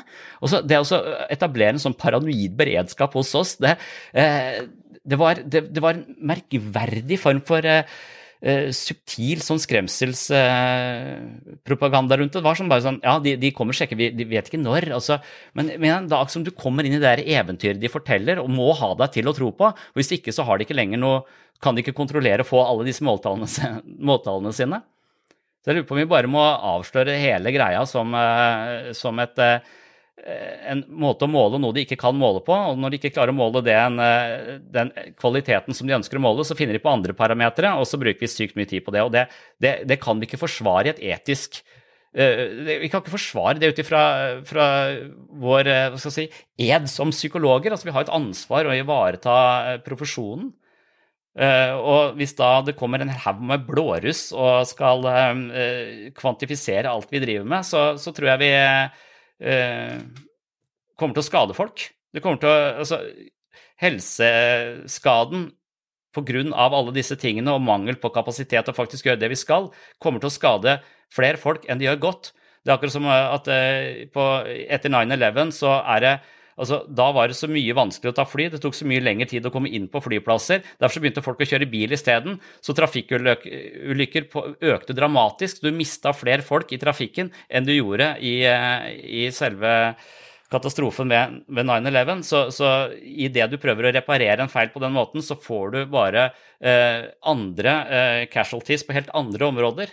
Og det tror jeg vi eh, kommer til å være skyldige hvis vi, hvis vi fortsetter å, å, å være å, for pliktoppfyllende. Jeg tror nesten det er et moralsk imperativ å være sivilt ulydig overfor en del av disse New Public Management-reglene som tres over hodet på, oss. Hvis du er kristen, så tror jeg Sankt Peter kommer til å, kommer til å slippe deg inn. Eh, hvis du har vært eh, sivilt ulydig på det området. Hvis du har fulgt alle regler, så tror jeg du havner i helvete.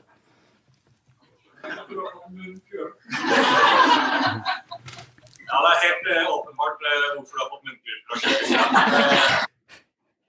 At det er rent, men jeg skjønner. Eh, men det er eh, veldig gode, gode poenger. og liksom, Som du også nevner, sånn Kafka snakka vi jo litt om i går. Altså, altså, det er jo som å bare innfinne seg i den Slåtteboka eller eh, Camus' eh, Mm. følelsen av absurdo. da. Eh, så det er egentlig godt sånn, Les den boka, så skjønner du New Public Management. Det er egentlig, det visste jeg ikke før jeg slo hit. Eh, Men det er flere her. Vi er egentlig på tida, men jeg kan sikkert fortsette. kan vi ikke? Det er jo bare vi som skal være her. ikke? Ja. Jeg må bare si det sånn, det er fantastisk å høre på deg. Og det er så forløsende. Jeg må si at i, allerede i 98 så kjente jeg litt på det samme, så jeg stupte ut av psyk- psykiatrien og begynte privat. Og, eh, så jeg har jobba siden 98 uten driftstilskudd. Så jeg er min egen herre, det er ingen under, ingen over.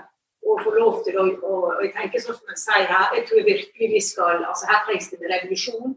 Jeg har prøvd å stille spørsmål til Psykologforeninga lenge om at ikke vi psykologer bør begynne å tenke sjøl. At vi får utøve vår kompetanse. at det er det som en kaller seg spesialister. For jeg tenker nå mange som kaller seg spesialister, ikke er spesialister. Altså du er bare noe som følger prosedyre. Og det, det er klart at du ser behovet. Jeg jobber i, eh, i, over, altså i 30 år sant? med klienter med sammensatte vansker. I langtidsbehandling er jeg så heldig å få brukt mange ulike metoder. Vi er så enige med det. Det er så forløsende. Jeg Vi trenger en revolusjon. Og vi må passe på utdanninga vår. Altså, for det, er ikke behov for noen eh, som bruker så lang tid. Men vi ser, skal du ha resultat, altså når du har tidlig skade, og de alvorlige symptomene er ofte eh, tegn på tidlig skade fra 0 til 6 år, det tar tid å reparere. Ja, og det har enorme konsekvenser. Så jeg tenker revolusjon. Og vi må, jeg, jeg tenker at her må vi gå sammen. Altså, vi kan ikke altså, Jeg kjenner at jeg, det hadde, jeg hadde ikke kunnet takle det. hadde, jeg hadde ikke overlevd et sånt system. Altså, og det er helt forferdelig å tenke på å ødelegge psykologien og den kompetansen. Det er godt poeng det der med at vi, er, eh, vi kaller oss psykologspesialister, men mange av oss er egentlig psykologpapegøyer. Eh, Som, som bare stiller de innlærte spørsmålene. Ja.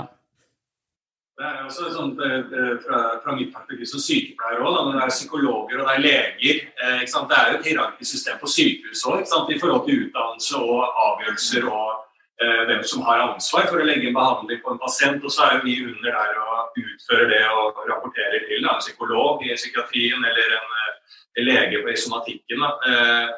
Og Det er jo et veldig sånn viktig ansvar også som ligger som du sier da, på psykologene. at hvis, hvis det skal gjøres, så må det komme fra legene som fagpersoner som må ta det liksom, Nå holder det. Og psykologer, altså de over der. For det er jo sånn som poenget borti her eh, som er enda verre for en eh, sykepleier å følge disse, som, eh, disse journal og hva vi må tikke gjennom, eh, er enda verre som en sykepleier. For vi, hvis vi må stå til rette for den at vi ikke har sjekka den balansen på Og sånn er det veldig mye av. Eh, så, og det har skjedd noe på vakt, så er det liksom til oss. Og vi har ikke den samme eh, kompetansen i forhold til utdannelselengde og egentlig rom for å stille i at jeg har gjort det og jeg tok en avgjørelse, men det skal ikke du gjøre. for det er legen som eventuelt tar den avgjørelsen, eller psykologen eller psykiateren.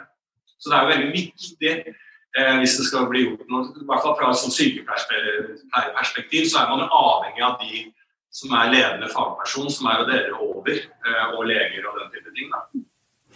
Akkurat det der blir et sånn kunstig skille hos oss også, fordi at det, eh, du får et pålegg i pakkeforløpet at alle pasienter skal bli sett av en spesialist. Så jeg har vært inne på å sette opp en sånn eh, utkikkstårn nede på parkeringsplassen og sette en spesialist oppi der hele tiden, så du kan se alle folka når de går inn. For når, når det sitter en psykiatrisk sykepleier med 30 års erfaring og har jobba i systemet eh, og er en psykoterapeut, så det at vi skal inn og glo på pasientene altså vi, vi er jo eh, Jeg mener vi bør eh, jobbe tverrfaglig. Vi bør anerkjenne alle sin kompetanse. og dette En spesialist skal kunne et eller annet magisk som ikke denne personen altså Vi fordeler jo pasienter litt ut ifra hva, hva slags kompetanse, hva slags interesse, hva slags eh, etterutdanninger osv. folk har. og Det anerkjenner og stoler på at folk gjør den jobb de skal. Men, og, og når du ikke syns du får det til, spør en annen. Spørre kollegaen din på sida. Det er sånn vi driver. Hvis jeg lurer, jeg er ikke så god på traumer, da spør jeg, spør jeg en kollega.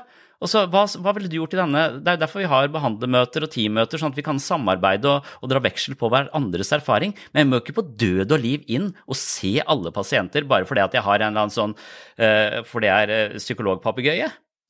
Nei, spesialist. Linn?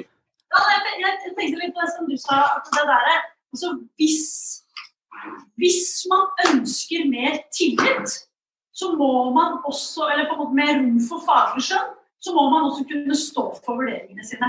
Ja, altså, så det å på en måte komme bort fra en sånn standardisering, da, det vil kreve mer av den enkelte eh, da, fagutøver. Og det ser vi f.eks. I, et- i, en- i en veldig sånn eh, omstridt sektor, barnevernet f.eks. Der er det ganske mange av de ansatte der som klynger seg til standardiseringa. For da vet de at de bare kan si 'jeg har gjort det, gjort det, gjort det, gjort det, gjort det, jeg har ikke gjort noe feil'. Så vet jo veldig mange av de også at de gjør ikke de beste vurderingene. Men presset på dem er så stort. Ja, det, de sier at hvis de skal kunne gjøre ordentlige vurderinger, så får de ha mer tid. At de må ha mer ressurser. Men det er ingen andre enn dere som kan si de tingene der. Og det er kjempefint at du tar opp psykologiforeninga, fordi at det, for meg da, som jobber, har jobba med, med fagforeninger Hele poenget med fagforeninger er at folk ikke skal stå alene. Og det tror jeg er tiden for nå. En ting er lønns- og arbeidsvilkår, det har fagforeninger som regel god koll på. Men nå må man også på en måte være talsperson fordi man organiserer. Og der tror jeg veldig mange har en lang vei å gå. Det å gjenta den måte politiske rollen som talsperson for sin profesjon. Men hva er det vi står i? Det savner jeg veldig i debatten. For det å, å liksom påstå, liksom satse på da, at hver enkelt skal være sivil ulydig og ta den belastninga sjøl, det tror jeg er Det er veldig bra med de som gjør det, og det er helt nødvendig. Men det er eh, veldig tøft også, og det er ikke alle som bare klarer å tenke på hva man skal til middag når det står og blir kjefta på. Så, men da nettopp det er poenget med tillitsvalgte, det er poenget med fagforeninger. Så det å få det opp i det systemet der, det tror jeg er helt nødvendig. Vi trenger de som sier fra på, på bakkeplan, og så trenger vi sterke, tydelige organisasjoner.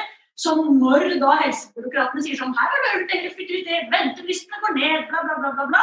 Så må da de gå og si at ja, men ventelistene går ned fordi vi tuller med staten. Ja, noen må si det med autoritet, det må være fagpersoner som sier det, som har god kontakt med sine medlemmer. Og da er det mulig å.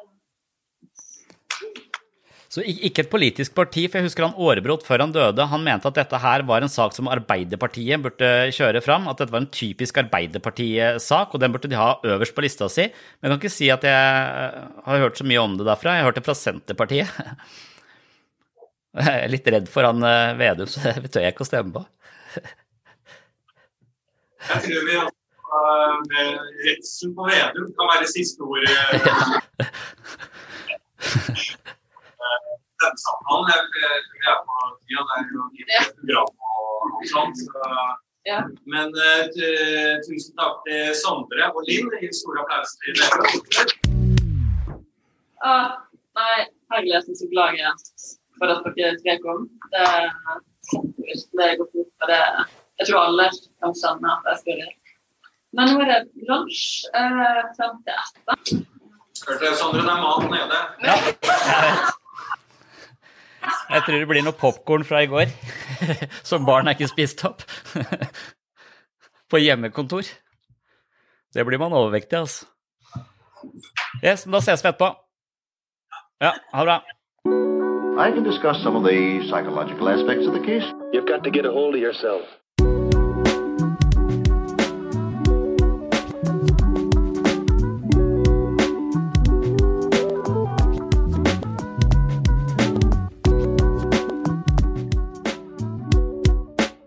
Ja, og da var det lunsj. Jeg eh, gikk ned på kjøkkenet og fant meg noe pasta og skinke, mens de andre gikk ned da i etasjen under for å spise. Og etter pausen så fikk eh, denne forsamlingen av eh, psykologer fra Førde besøk av en person fra ledelsen i eh, sykehussystemet der borte, og han skulle snakke om ja, blant annet om helsefellesskap som altså er et eh, hovedgrep i Nasjonal helse- og sykehusplan fra 2020 til 2023. Så det handler om å opprette 19 helsefellesskap, og disse skal da bestå av helseforetak og kommunene i opptaksområdet, representanter fra helseforetak tilhørende kommuner, fastleger og brukere vil møtes for å planlegge og utvikle tjenesten sammen. Barn og unge, alvorlig psykisk syke, pasienter med flere kroniske lidelser og skrøpelige eldre skal prioriteres, heter det da, på Helsedirektoratet sin side. Og det er eh, igjen sannsynligvis eh, gode visjoner. Jeg opplever eh, denne representanten fra ledelsen som en fin fyr. Han snakker mye om møtepunkter, dialog, prosjekter, mer dialog, men det er alt sammen som om dette er eh, nye prosjekter sjøsatt litt langt fra praksis. Og det er dette vi på sett og vis eh, frykter, at det er mange velmenende prosjekter på gang, men at disse utvikles av personer som ikke har noe kontakt med grasrota, og dermed kommer inn som et eh, fremmedelement ovenfra, uten at de som egentlig vært, er på gulvet, har vært med å utvikle de prosjektene. Men det heter jo så fint her at her skal alle få lov til å være med og bestemme osv., så, videre, så det kan godt være at disse helsefellesskapene er en, eh, en god løsning, ikke vet jeg. Men eh, foreløpig så er jeg bekymra for at eh, det finnes for mange prosjektledere og for få mennesker i sykehussystemene som jobber altså i administrasjon og i prosjekter, og for lite med faktisk pasientbehandling. Og jeg har alltid lurt på hvor mange mennesker jobber egentlig med pasienter i sykehuset, og hvor mange jobber med administrasjon. Og det har jeg aldri fått noe svar på. Denne representanten fra eh, sykehuset, han eh, kunne presisere eller påpeke at eh, hver gang de ansatte en ny person i ledelsen eller i administrasjonen, så ansatte de to nye behandlere. Og det tror jeg var en forsnakkelse, for det vil jo si at én av tre er da byråkrater i et system som skal behandle pasienter, og så ille tror jeg faktisk ikke det er enda. Men eh, langt de fleste organisasjonsteoretikere har jo advart mot for stor avstand mellom ledelse og de som faktisk utfører den eh, jobben som skal gjøres i denne bedriften, eller i sykehuset, da, og produsere helsetjenester i vårt eh, tilfelle. Og her tror jeg vi er inne på en litt sånn gal vei. Jeg tror det er stadig flere eh, administrative folk som sjøsetter stadig flere prosjekter og gir seg selv den type arbeid som de da trenger en tilbakemelding på og må måle effekten av, og det er vi som da må ja, eh, sette, iverksette disse prosjektene og eventuelt eh, rapportere tilbake hvordan dette her fungerer. Og det tar så mye tid at vi til slutt er bundet på hender og føtter og har lite tid til det vi faktisk skal gjøre. Så dette her advares av og til imot som en slags ugress. Sånn at eh, det er lett å få mange byråkrater inn i et, eh, en stor organisasjon. Men det er fryktelig vanskelig å bli kvitt de. Sånn at hvis du først får et lag av administrasjon som ligger eh, som et sånn lokk over, over praksis, så, så er du allerede ja, om det er en slags kreftsvulst på en organisasjon som stadig vokser og formerer og skaper flere celler som ligner seg sjøl.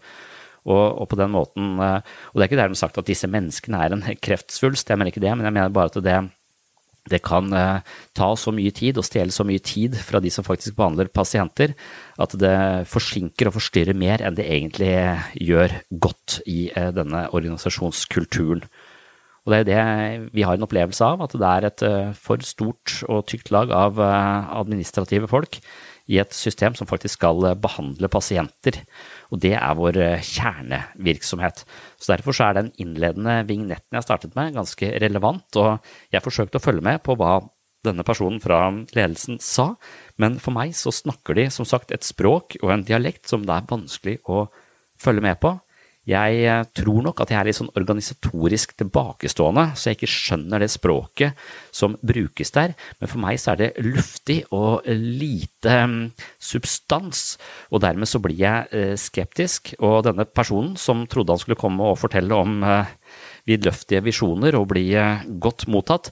Han fikk seg da en eh, ganske kraftig smell, og det tar jeg på min kappe. For eh, jeg satt ganske trygt hjemme, hadde denne skjermen mellom meg og de, og var da litt ufin, vil jeg si. Jeg kom vel som en slags tordenvær på en sånn svær skjerm bak han. Og var på ingen måte spesielt begeistra over det jeg hørte. Og ja, jeg var for brå, det syns jeg selv, og jeg angrer litt på det, men, men de som hører på sinnssyn, de vet at jeg har eh, en sånn passe begrensa impulskontroll. Så når jeg først fyrer meg opp, så blir jeg jo litt eh, irritert, og så har jeg kanskje en tone som ikke alltid passer seg i den settingen jeg er i. Men det var ikke så lett for meg å oppfatte, for jeg satt jo her bak en skjerm og så nesten ingenting av hva som foregikk der i Førde. Men jeg tror nok at jeg ikke skapte god stemning med mine innspill. Dessverre så kan jeg ikke eh, spille av det han fra ledelsen sa. Jeg har heller ikke lov til å spille av så mye av det som de andre i dette forumet, eller på denne fagdagen, eh, hadde av innspill, for det ble ikke avtalt på forhånd. Så dermed så er det stort sett eh, min stemme du får høre, og eventuelt eh, Linn Herning og, og Lars da som supplerer. Så det jeg hørte, det var mer av den vignetten altså som jeg hadde innledningsvis, og jeg fortsetter den vignetten nå, så kan du i hvert fall få en slags opplevelse av hvordan jeg oppfattet det som blir sagt, og da skjønner du også kanskje responsen min som kommer da rett etterpå. What do you mean? Humphrey, there are no patients. That is what a hospital is for. Patients. Ill people. Healing the sick. But, Minister, all these vital tasks that I've just listed must be carried out with or without patients. Why? Why? Why? I don't understand. I don't know how else I can express it. Why? Well, would you get rid of the army just because there was no war? That is completely different. A hospital must produce results. Minister, we don't measure our success by results, but by activity, and the activity is considerable and productive. Those 500 people are seriously overworked. Course, the full establishment should be 650. May I show you some of the paperwork emanating from St. Edward's? No, no, Humphrey. No, you may not. Enough is enough. Sack them. Oh, out of the question, Minister. We need our administrators, otherwise the hospital will never open. Well, sack the ancillary staff. Equally impossible. The unions won't wear it. Well, sack half the administrators, half the ancillary staff, and use the money saved to get some doctors and nurses and open some wards. Oh, Minister. No, really. no, Humphrey, no, that is my last word. Please, no, Minister. no, my last, last word. You may go. Very well, Minister. I shall have a word with the health service unions. But I don't hold out much hope. Go! Ja, eh, vi har jo da en, eh, Vi har sittet og snakka litt om eh, public management. Og, og litt på, fra Sondre som jobber som psykolog, som har bak meg på skjermen. Og de som sitter her, da, med utfordringer på selve behandlingen og hvordan man føler at mye av det man skal gjøre, blir borte i. da, Noe som også er inne på disse eh, rapportene må skrives, og at du skal få den tilliten til oss som er på gulvet. Da. Eh, og Linn Herning her er en storiker og engasjert i dette public management. Da, og, eh, så det er egentlig vi har hatt en samtale om i forkant. Eh, nå skal vi snakke litt om det som er utgangspunktet som du eh, presenterer her. Eh, og jeg kan starte med deg, Linda, om du har noen tanker. Og så tenker jeg at alle kan også være med på dette. Og det er jo ikke noe Ja, så vi fikk jo litt på Prøve å holde det litt på det du presenterer, og holde det litt konkret, da. Mm. Ja, men vi kan også åpne for Sondre, og så kan vi ta noen eh, fra publikum også. Sondre, du hører og har hørt og er med? Ja. Jeg har hørt dere uh, følge med. Um, og uh, opplevelsen er den samme uh, som de få gangene jeg blir invitert til møter som er litt lenger opp enn der jeg selv hører til. At det er et slags språkspill som for meg er vanskelig å avkode. Og det er litt det samme som jeg kanskje sliter med i gruppeterapi eller i terapi generelt. At det, noen ganger så kan folk gå i terapi i 100 år og ha huet og ræva fullt av innsikt og språk på hva de feiler, men de klarer ikke å gjøre noe med det likevel. De gjør ingen forandring faktisk i livet deres. Så en veldig viktig del av uh, terapi må være å sjøsette den innsikten man har i eh, livet. Og, og det er en utfordring i terapi. Og jeg lurer på om det er den samme utfordringen man har i den typen eh, administrerende møter. For, eh, for meg så er det mange språk, det er mange navn på personer. Eh, og så får jeg som om det ikke har noen forankring. Jeg klarer ikke å se sammenhengen mellom det som blir sagt, og det som flytter noe i den virkelige verden. Så et av mine sånne store spørsmål har vært hvor mange altså Det verste jeg vet, er møter også. så Jeg går jo ikke, jeg, jeg syns vi har for mange møter, og det det blir snakket om her, er veldig mange møter. og eh, Jeg er usikker på, på hvor konstruktivt det, det, er, og hvor lenge de bør vare. Eh, jeg, jeg, jeg fikk spørsmål en gang om jeg kunne være med i en sånn eh, faglig råd for å diskutere mm, de eksistensielle sidene ved, ved psykisk helse, og spesielt da med spørsmål om religion og folks ulike eh, perspektiver på livet osv. Fordi jeg har eh, prøvd å bli kristen selv eh, over en periode på fem år uten å lykkes. Så jeg har vært inne i det, de religiøse, på en måte. Og, og for, for, meg så er det sånn Men hva, hvorfor det? Hvorfor skal vi, eh, åtte eh, psykiatere og fem psykologer og en del eh, sykepleiere og andre, hvorfor skal vi sitte i et møte og snakke om det er sikkert spennende å snakke om eksistensielle sider ved livet, men hva munner det ut i? Altså Det munner ut i en eller annen powerpoint-presentasjon som vi skal presentere på neste eh, fagdag eller julebord.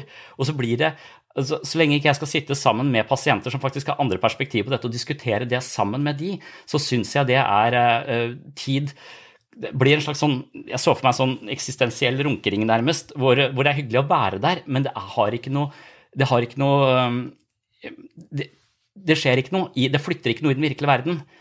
Så jeg synes det er interessant å lure hvor mange prosjekter altså Jeg var innom sjefen, nærmeste sjefen og sa se på dette bordet, det er bare fullt av prosjekter, prosjekter, prosjekter. Og hvert prosjekt er 100 sider. Og så sier man ja, vi skal ta med dere som jobber på gulvet i disse prosjektene. Når skal vi lese 100 sider med liten skrift da? På, i en dialekt vi ikke forstår, eller en dialekt som er så kjedelig at jeg får lyst til å skade meg sjøl? Altså, det, er det som eh, altså, for, det er for vanskelig, du har for mye å gjøre til å spille inn. Og Derfor så blir du på en måte, du blir oppfordra til å ta del i, men så er prosjektbeskrivelsene så lange og tunge at det er umulig. Og så er, har vi også noe som heter POP-midler i Sørlandet sykehus, da, som, som, betyr at jeg kan uh, si hva jeg syns er viktig, og så kan jeg lage et prosjekt på det. Jeg er mer på syns uh, ting er viktig, og så bare gjøre det. det prosjektet, prosjektet det gjør at du får noen midler, og de midlene, altså Først må du skrive en beskrivelse av prosjektet. Så må du gå på masse møter, så må du få tildelt de midlene, og så må du dokumentere hvordan de midlene brukes. Så jeg får ikke gjort noe annet enn å dokumentere for å få de midlene, og jeg får ikke gjort det jeg skal med de midlene. Så det, jeg har prøvd meg på de popgreiene flere ganger, men pga. all dette administrative eh, eh, greiene, så er det eh, umulig. Eller det, det blir tid brukt på ting som ikke egentlig flytter noe i verden. Og det er min frykt når jeg hører eh, den type Det kan godt være at jeg bare er på en måte eh, helt Jeg innser at jeg er sånn organisatorisk tilbakestående. Fordi at når jeg kommer opp i sånne møter hvor det snakkes om handlingsplaner og ditt og datt og så videre, eh, så, så føler jeg at det ikke handler om meg, og, og, og jeg klarer ikke å avkode. Jeg skjønner ikke hvordan det skal være i min, så jeg bare fortsetter med det jeg pleier, pleier å gjøre. Nei, det, det, det, største spørsmålet mitt, for at jeg har ikke noe oversikt over dette feltet, men det, det, første og mest sentrale spørsmålet mitt vil være hvor mange i et sykehus jobber med ting som ikke har med pasientbehandling å gjøre? Hva er forholdet mellom eh, folk som faktisk utfører helsetjenester eller driver eh, behandling, og folk som driver med organisatoriske ting og sjøsetter nye prosjekter som de skal utrede, og så stiller de oss spørsmål, sånn at vi må svare på de spørsmålene, for så å sende tilbake igjen. Og så, og så blir det sånn som den danske kvalitetsmodellen var liksom i, i Sørlandet sykehus, var hefta på én person som drev bare jobba eh, med det. Men så slutta vedkommende, og da hørte vi ikke noe mer om det. Eh, men så plutselig så kom den eh, pakkeforløpet og overtok for, for den typen. Og det var en haug av rapporteringer og, og auditeringer og undersøkelser av journaler osv. Og, så og masse sånne eh, krav og do dokumentasjon som vi da var pålagt å gjøre. Og vi fikk også vite at vi ble observert da, på, en, på en eller annen måte. Så, så jeg, jeg, lurer på om vi har fått et byråkratisk lag over eh, behandlingen som er for stort. Og hver gang de finner på noe nytt, så vil det på, rett, på en eller annen måte ikke effektivisere noe som helst, men bare bremse Eh, og eh, oppta masse andre mennesker som holdt på med noe annet. Hvor mange jobber med byråkratiske ting, og hvor mange jobber med pasientbehandling? Eh, hvis, jeg, hvis det er helt innafor det det bør være, så, så er jeg der jeg ikke helt forstår problemet sjøl. Ja, som du hører her, så er jeg helt på kanten og langt ute på tynn is. Det er ikke sikkert det er noe mer is igjen her.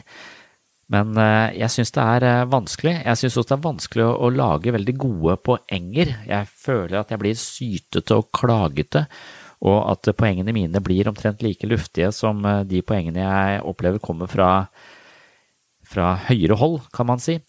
Og mye av problemet, det største problemet, føler jeg er dialekta. Og da ikke nødvendigvis dialekta fordi de er fra Sogn og Fjordane, det hadde jeg ikke noe problem med, var lett å forstå.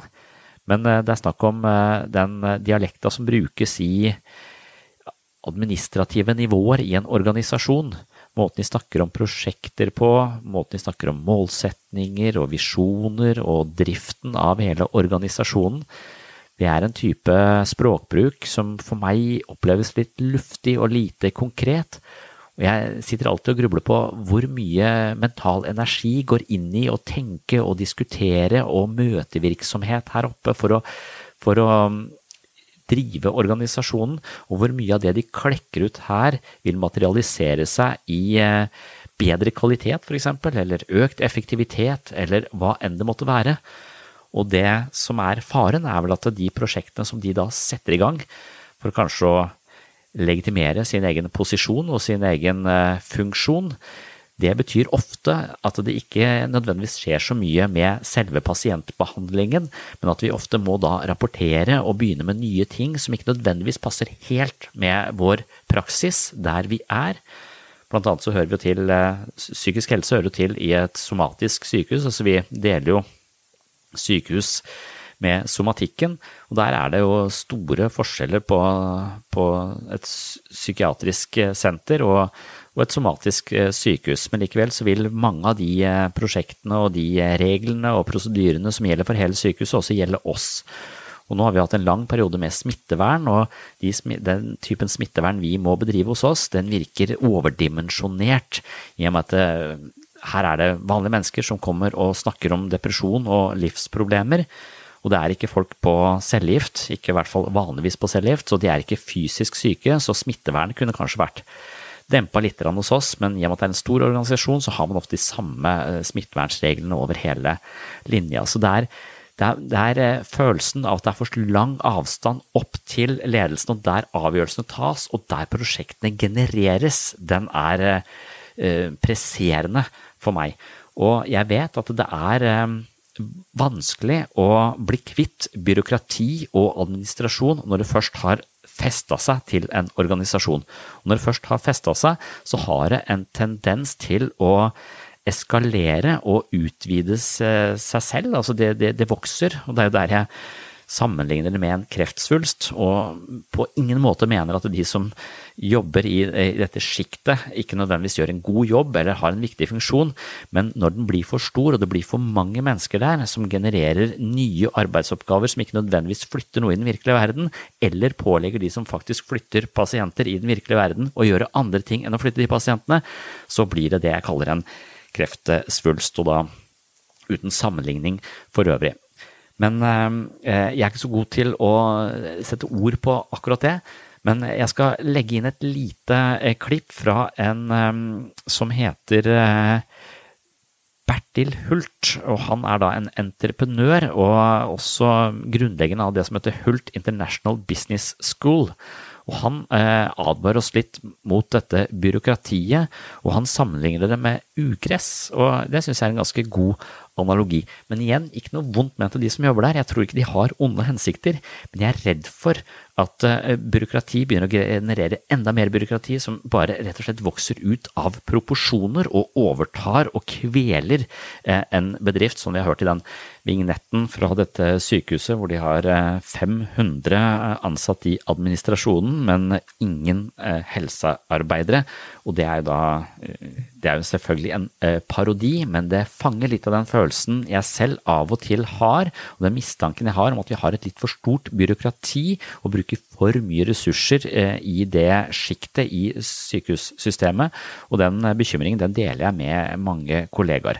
Men nå skal du også få høre Bertil Hult fra denne Hult International Business School, fordi han er bedre til å beskrive og forklare dette, dette byråkratiet enn det jeg er.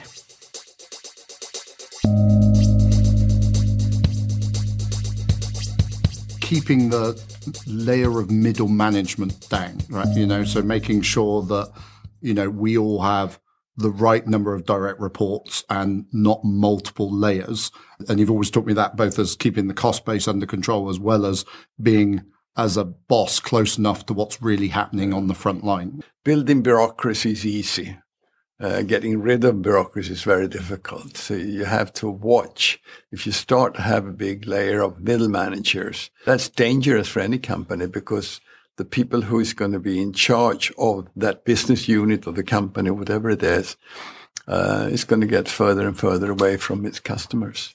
So try to keep keep it as flat as you can. Of course, if it's a huge company, you have to have some sort of middle manager, otherwise it doesn't work. But but try to keep that as as little as possible. And and bureaucracy is like weed. You know, you have to take it out every day, otherwise it just grows and grows. And you can see that in many state-run companies in, in this country and many other countries. You know, they they are just full of bureaucracy.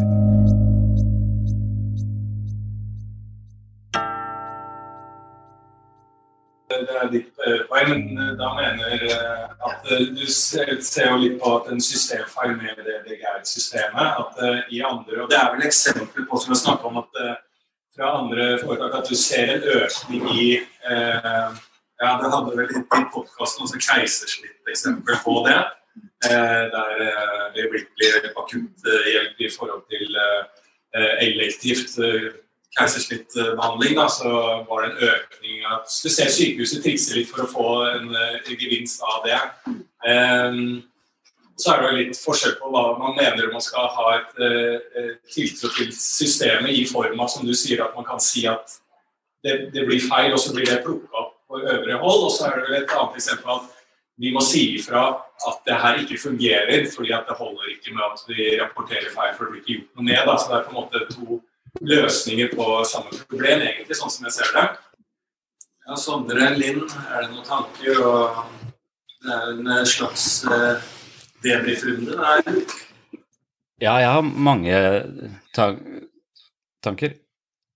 For, for, jeg reagerer jo kraftig, som jeg har sagt, da, men, men det er jo litt fordi at uh, uh, representanten, som jeg ikke nå husker hva heter, han, han snakker jo uh, fint, og han snakker det organisasjonsspråket, han er økonom. Men følelsen når, altså, når alle prosjektene skal sjøsettes fra folk med realfagskompetanse ut til de som er mer eller mindre humanister og har, har en helt annen si, kanskje et, et helt annen orientering eh, enn en dette her. Der blir det en eller annen sånn krasj som man får litt følelse av at som, som psykolog så er man en slags eh, Man hører til eh, humanismen, på en måte, og så er vel følelsen at vi blir nærmest voldtatt av eh, realfagsfolk i systemet. Og at vi bare er nødt til å forholde oss til det. Og det er de som skal sette premissene, det er de som skal måle oss. Hvorfor får ikke, altså, og når vi da prøver å ta temperaturen på dem, eh, så blir vi sett på som sytete og klagete. Og jeg føler meg sytete og klagete, for jeg blir behandla som en liten trassig unge, og da oppfører jeg meg som en liten trassig unge. og det har blitt min eh, så, jeg skjønner dynamikken her, jeg skjønner hvordan jeg blir. Jeg blir sånn som jeg krangler med kona mi, liksom. Jeg blir eh, dust. Eh, Så, jeg klarer ikke helt å opprettholde en slags eh, voksenposisjon når, når, når mø, i disse møtene, fordi at jeg, jeg, jeg, kom, jeg blir alltid den derre ja, ja, han, han bare vibrerer, på en måte, og det gjør jeg litt også. jeg, for, det er en slags ovenfra og det er premisset om at det, de skal hele tiden måle oss. Hvorfor skal ikke vi måle de? Altså, jeg tror det er eh, Er det ikke han eh, om det er Patty McCord fra Netflix eller, eller eh, Steve Jobs som har sagt at du ansetter jo dyktige fagfolk ikke for å fortelle dem hva de skal gjøre, men for at de skal fortelle deg hvordan du skal drive dette her. En sykepleier, eh, en psykolog, en lege Vi har jo en utdannelse på et sted mellom tre og seks år alle sammen. De fleste sykepleiere har vel fem år. og eh, Psykologi fem-seks år? Så, så vi har lange utdannelser. Og han kom jo helt tydelig på banen og sier at ja, med så mange autonome og trassige folk, eh, underforstått, som psykologstand er, så, så er det jo klart at det er noe som må holde litt i tøylene her og, og legge noen føringer. Hvorfor det? Fordi din oversikt er så mye bedre der oppe enn vår oversikt her nede. Altså, det, jeg jeg syns det premisset er merkelig. Eh, og, og jeg er fortsatt interessert i hvor mange av disse eh, realfagsfolka som, eh, som får lov til å, å, å legge premissene for, for alt, vi, alt vi driver med. Og hvis vi setter oss til motverge mot det, så, ja, så, så føler jeg meg litt teit og litt sutrete. og Det er ikke en posisjon jeg egentlig liker, derfor så går jeg bare inn og ut av det. Så greia er jo at så blir jeg sint, og så holder jeg på sånn som det her, eh, litt, sånn som lille My omtrent. Og så bare gidder jeg ikke å holde på med det mer, så bare gjør jeg det, det jeg skal. Så får de holde på, på med sitt. Men det er en slags, for meg så er det en, en sånn litt moralsk forkastelig, for jeg mener man burde gått videre og, og gjort noe med denne situasjonen. For det er jo, eh, mitt ansvar ligger jo ikke til min nærmeste sjef som skal rapportere bra tall på at jeg skriver epikrise på tida. Eh, Mitt ansvar ligger jo til skattebetalerne og hva slags helsetjenester og hvordan vi bruker tida vår i dette helseforetaket som skal hjelpe folk. Det er der ansvaret mitt ligger. Det ligger jo ikke, jeg, jeg, det er i hvert fall sånn jeg opplever det. Jeg opplever ikke at jeg har noe sånn direkte ansvar til, eh, til eh, byråkratene over.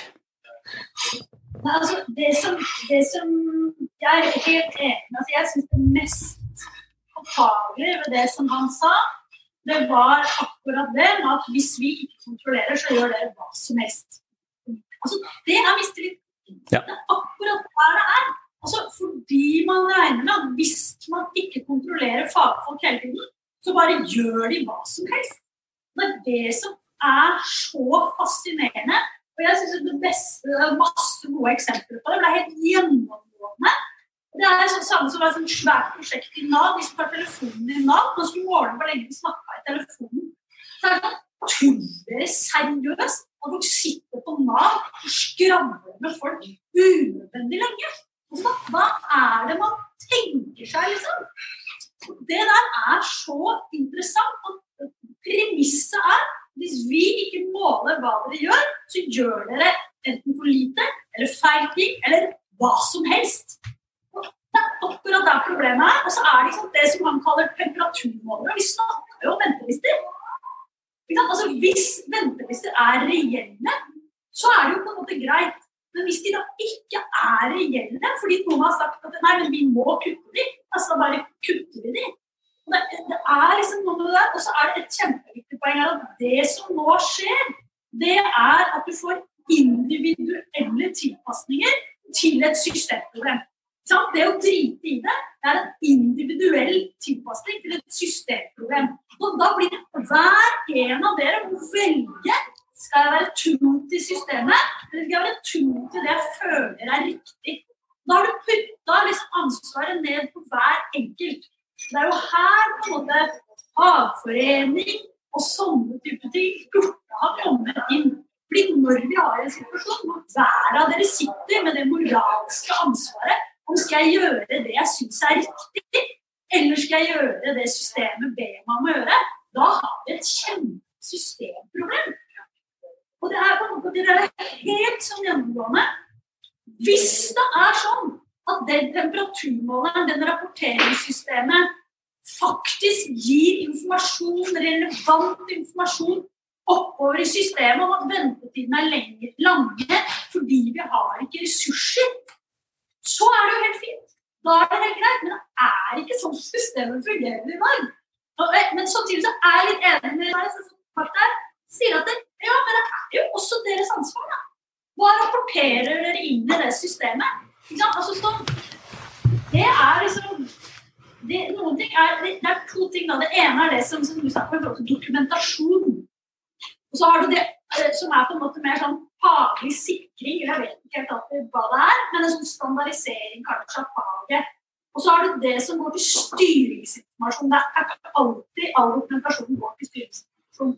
Men det som går til styringsinformasjon, hvis dere begynner å rapportere uærlig i det systemet, så får dere i hvert fall ikke gitt noen beskjed oppover i systemet. Det er en mulighet til å bruke det systemet til å gi beskjeder. Men det krever ikke sant? Da krever det at ikke hver og en av dere sitter på deres kontor og føler på det trøkket. Da må vi bli enige om at ikke nå, nå har vi ikke nok ressurser. Vi må få gitt den beskjeden oppover på, på en eller annen eh, måte. da. Og når vi sier dette, bare spill, når vi sier når vi sier dette som du sier nå, så får vi tilbake at eh, de, får, de har en slags sånn liten liste med eksempler over ting som har eh, gått galt. Altså, ja, men har du hørt om den pasienten som fikk feil diagnose og gikk i tre år i behandling, som var feil behandling? Altså, eh, jeg vil at dette skal sikres, jeg vil altså, så pga. sånne små feil så mener de at vi må standardisere dette her. Og det er også hun der fra Netflix som sa jo det at hvis du ansetter dyktige fagfolk, så vil 97% av de gjøre en god jobb, men 3 av de vil drite seg ut. Det fins alltid råtne epler, og spørsmålet er skal vi kontrollere alle for å kontrollere de eh, potensielle råtne eplene, eller skal vi eh, og, da binde tiden til masse folk som i utgangspunktet hadde gjort en utmerket jobb uten all den rapporteringa, kanskje en mye mer effektiv og bedre jobb også. Jeg er kjempeopptatt av ventelister, jeg vil ha de ned, jeg vil ha mest mulig folk inn i klinikken på best mulig måte, og finne ut av måter vi kan behandle mest mulig på, eh, sånn at, og, og med, med best, best effekt. Men, mens de prosjektene som kommer ovenfra, de ofte binder bare tiden min på en helt, eh, helt feil måte.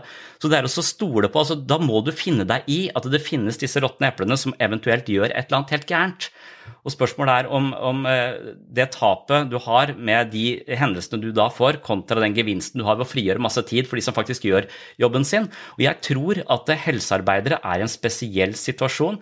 Jeg tror lærere er i en spesiell situasjon. Jeg tror ikke vi kan karakteriseres på denne homo økonomicus-måten. Jeg tror at du blir lærer fordi du er interessert i kunnskap og barn, og du blir eh, hjelpearbeider fordi du er interessert i mennesker. Altså Du driftes av en form for mening. Det er veldig få som bare går på jobb for å tjene penger, og hvis du gjør det, så er du utbrent. Og det, det kan godt være at ikke alle jobber har en sånn indre motivasjon hvor det er en eller annen sånn eh, spennende ved å møte mennesker i eh, eksistensielle dilemmaer. Det syns jeg er kjempespennende, og jeg tror veldig mange utdanner seg innenfor denne retningen fordi de nettopp syns det er, eh, er givende. Og det å gå tilbake og være sykepleier når koronaen kommer, for å, for å faktisk yte en innsats som skaper mening og dybde i livet, jeg, jeg tror det er det som drifter mennesker, snarere enn akkurat hva de hva de tjener. og Det viser også veldig, veldig mye forskning. Men det kan godt være at det finnes noen uh, arbeidsplasser som er så dypt og inderlig kjedelige at de fleste som jobber der, prøver å unngå oppgavene sine og uh, ja, ta mest mulig pauser. Og de, og der trenger man den typen kontroll. Men det er den typen kontroll de driver med, med, med folk som sannsynligvis har et eller annet sånt indre kall, selv om det er sånn gammeldags å snakke om kall da, i forhold til, uh, til jobben sin. Eh, Personlig så valgte jeg faktisk sykepleieren pga. penga. ja, det var smart. Jeg burde litt mer i forkant. Men NSF står på. Stå på. Ja. Ja. Og så lurer jeg også på, siden vi snakker jo Han måtte jo dra og sa at han ville komme tilbake og snakke mer. Jeg vet ikke hvor forberedt han var på Eh, hvert fall, jeg tror han ikke var forberedt på deg, Sondre. At du du dukka bak ham. tror jeg var-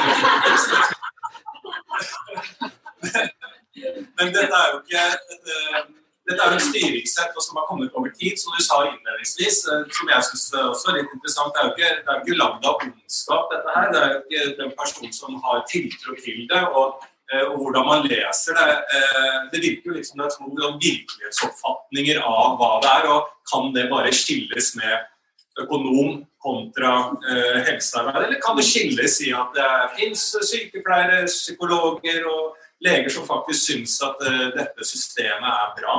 Eh, eh, på en måte Er det, er det tanke rundt det også, selv om det Altså, jeg, jeg kommer tilbake til altså, Det er klart det er ulik rasjonalitet. Ikke sant? Det er spørsmål om hvilken rasjonalitet som skal være styrende. Eh, er, det, er det på en måte eh, fagets rasjonalitet som skal være styrende, eller er det den økonomiske rasjonaliteten som skal være styrende? Så er klart, Så lenge det er offentlige midler, så må det være en viss balanse. Det, det er helt åpenbart. Og så tenker jeg at nå er balansen gått altfor langt i en sånn økonomisk rasjonalitet og i en sånn eh, dokumentasjon og kontroll og måling framfor et faglig skjønn. Og så sier han sant, at alternativet er den andre grøfta. Det er det han sier, og det er det eneste alternativet er den andre grøfta. Og så tror jeg at veldig få fagfolk vil si sånn Jeg skal aldri kontrollere, jeg skal aldri dokumentere, jeg skal ikke bare, liksom bare gjøre greia mi, liksom. Og det er, men det er, det er litt sånn De er så redde for å slippe dere fri, da. og Det syns jeg er veldig fascinerende. Det er der den der tillit, mistillit-greia er. Og hvis man skal gi eh, fagfolk mer, mer tillit, så betyr det mindre kontroll. Altså, det er på en måte Men det er ikke nødvendigvis sånn at vi trenger å gå fra en grøft til en annen. Og så sies det at Noe av premisset for New Public Management var at man mente at fagprofesjonene hadde altfor stor innflytelse. Det, skal vi, det, skal, det må med. At, det, at der var det, det var fag, eh, Fagprofesjonens innflytelse var altfor sterk og altfor definerende. Pluss at man mente også at det, sant, det er et utømmelig behov for helsetjenester. Jeg er ikke helt sikker på det premisset. da.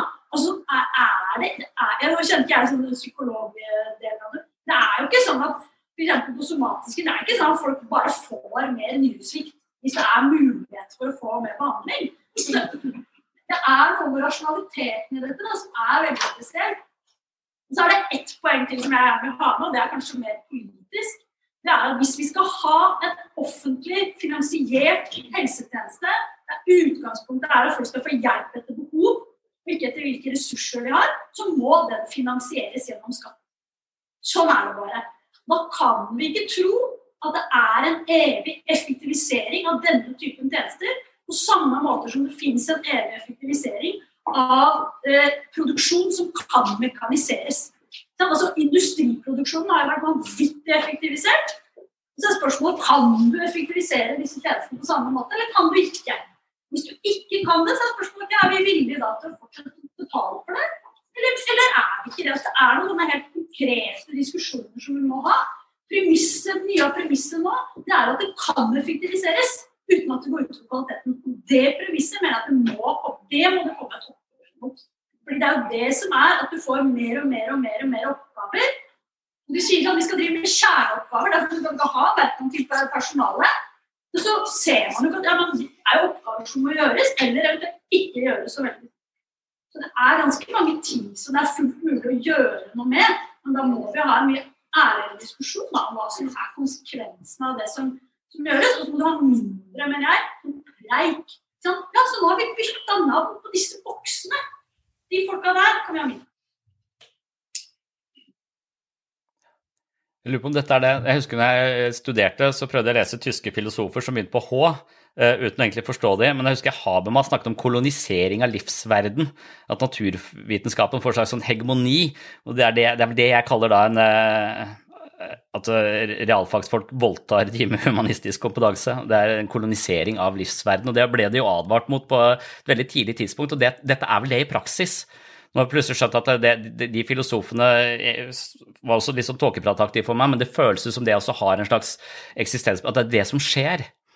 Eh, og at, det, at det, våre argumenter for et mer humanistisk, eh, omsorgsfullt sted eh, faller litt til jorda eh, i den typen eh, møter og med eh, dress og slips. Det er vanskelig å argumentere for omsorg når folk har på seg dress og slips. Men jeg lurer på om det Lars sa i stad, om, om kan, kan, det være at altså, de, de som slutter å være de som er psykologer altså Vår leder helt øverst er en psykologspesialist. Men han er jo en helt annen Han er jo han er opptatt av tall og matematikk og, og skrevet doktorgrad, og, og, han er en mye Han er en helt annen personlighet enn meg, f.eks. Så dette, dette skillet mellom de som velger å gå oppover, og de som velger å jobbe med mennesker, at det er noe med personligheten til disse folka. Uh, kanskje Maya Briggs kanskje er noen som er Jeg, jeg skulle hørt på intuitiv kontra Skjønner ikke helt det med sans, sansene. De vil ta og føle på ting, og ting som kan måles og veies. ikke sant? Det er også et personlighetstrekk. Så de sansene som vil måle og veie ting, de går den veien, mens de som er mer intuitive, går den andre veien. og dermed så, så blir det sånn at vi personlighetsmessig også, også, går i hver vår retning. Og når vi skal kommunisere sammen, så, så blir det som Vi trenger parterapi, liksom, på, på tvers av disse disse linjene. For selv om det er psykologer oppover i systemet, så er jo de akkurat like De snakker på akkurat den samme De lærer seg den samme dialekta, opplever jeg. Så, så, så, så selv om det, du sier ja, men vi har psykologer representert her, så har ikke de denne humanistiske, mer eksistensielle kritikken som vi på en måte prøver å sette ord på her, sånn, den er ikke i deres um, fokus på samme måte. Derfor så, har det kanskje litt med personer, ikke bare med fag å gjøre, men også med person å gjøre. Og så så graviterer vi jo eh, mot det vi er mest eh, interessert i, og da får du dette, dette skillet. Jeg vet ikke om det, det, stemmer, men jeg vet ikke hva dere tenker om det? Ja, leder, altså en av de Du snakker om det med at uh, man har forskjellige interesser uh, i det sjelelige. Jeg ser ikke igjen i det. Det er egentlig det som er svaret på det du sier. Ja. Men jeg tenker at enkeltindividet vil ikke nødvendigvis kjenne seg igjen, men hvis du går opp på gruppenivå, så kan det hende at du ser, eh, at du ser det. Så jeg vet ikke hvor personlig det er, eh, og, og, og, i hvilken grad det handler om enkeltpersoner. Ja. Fordi at eh, jeg tror at eh, når du kommer i en sånn posisjon, så kan du gjøre Du kan fortsatt gjøre et valg. Det, må, det valget man må gjøre, det er jo hvor ligger min lojalitet. Ligger den til systemet, at jeg skal passe på at det blir grønne tall?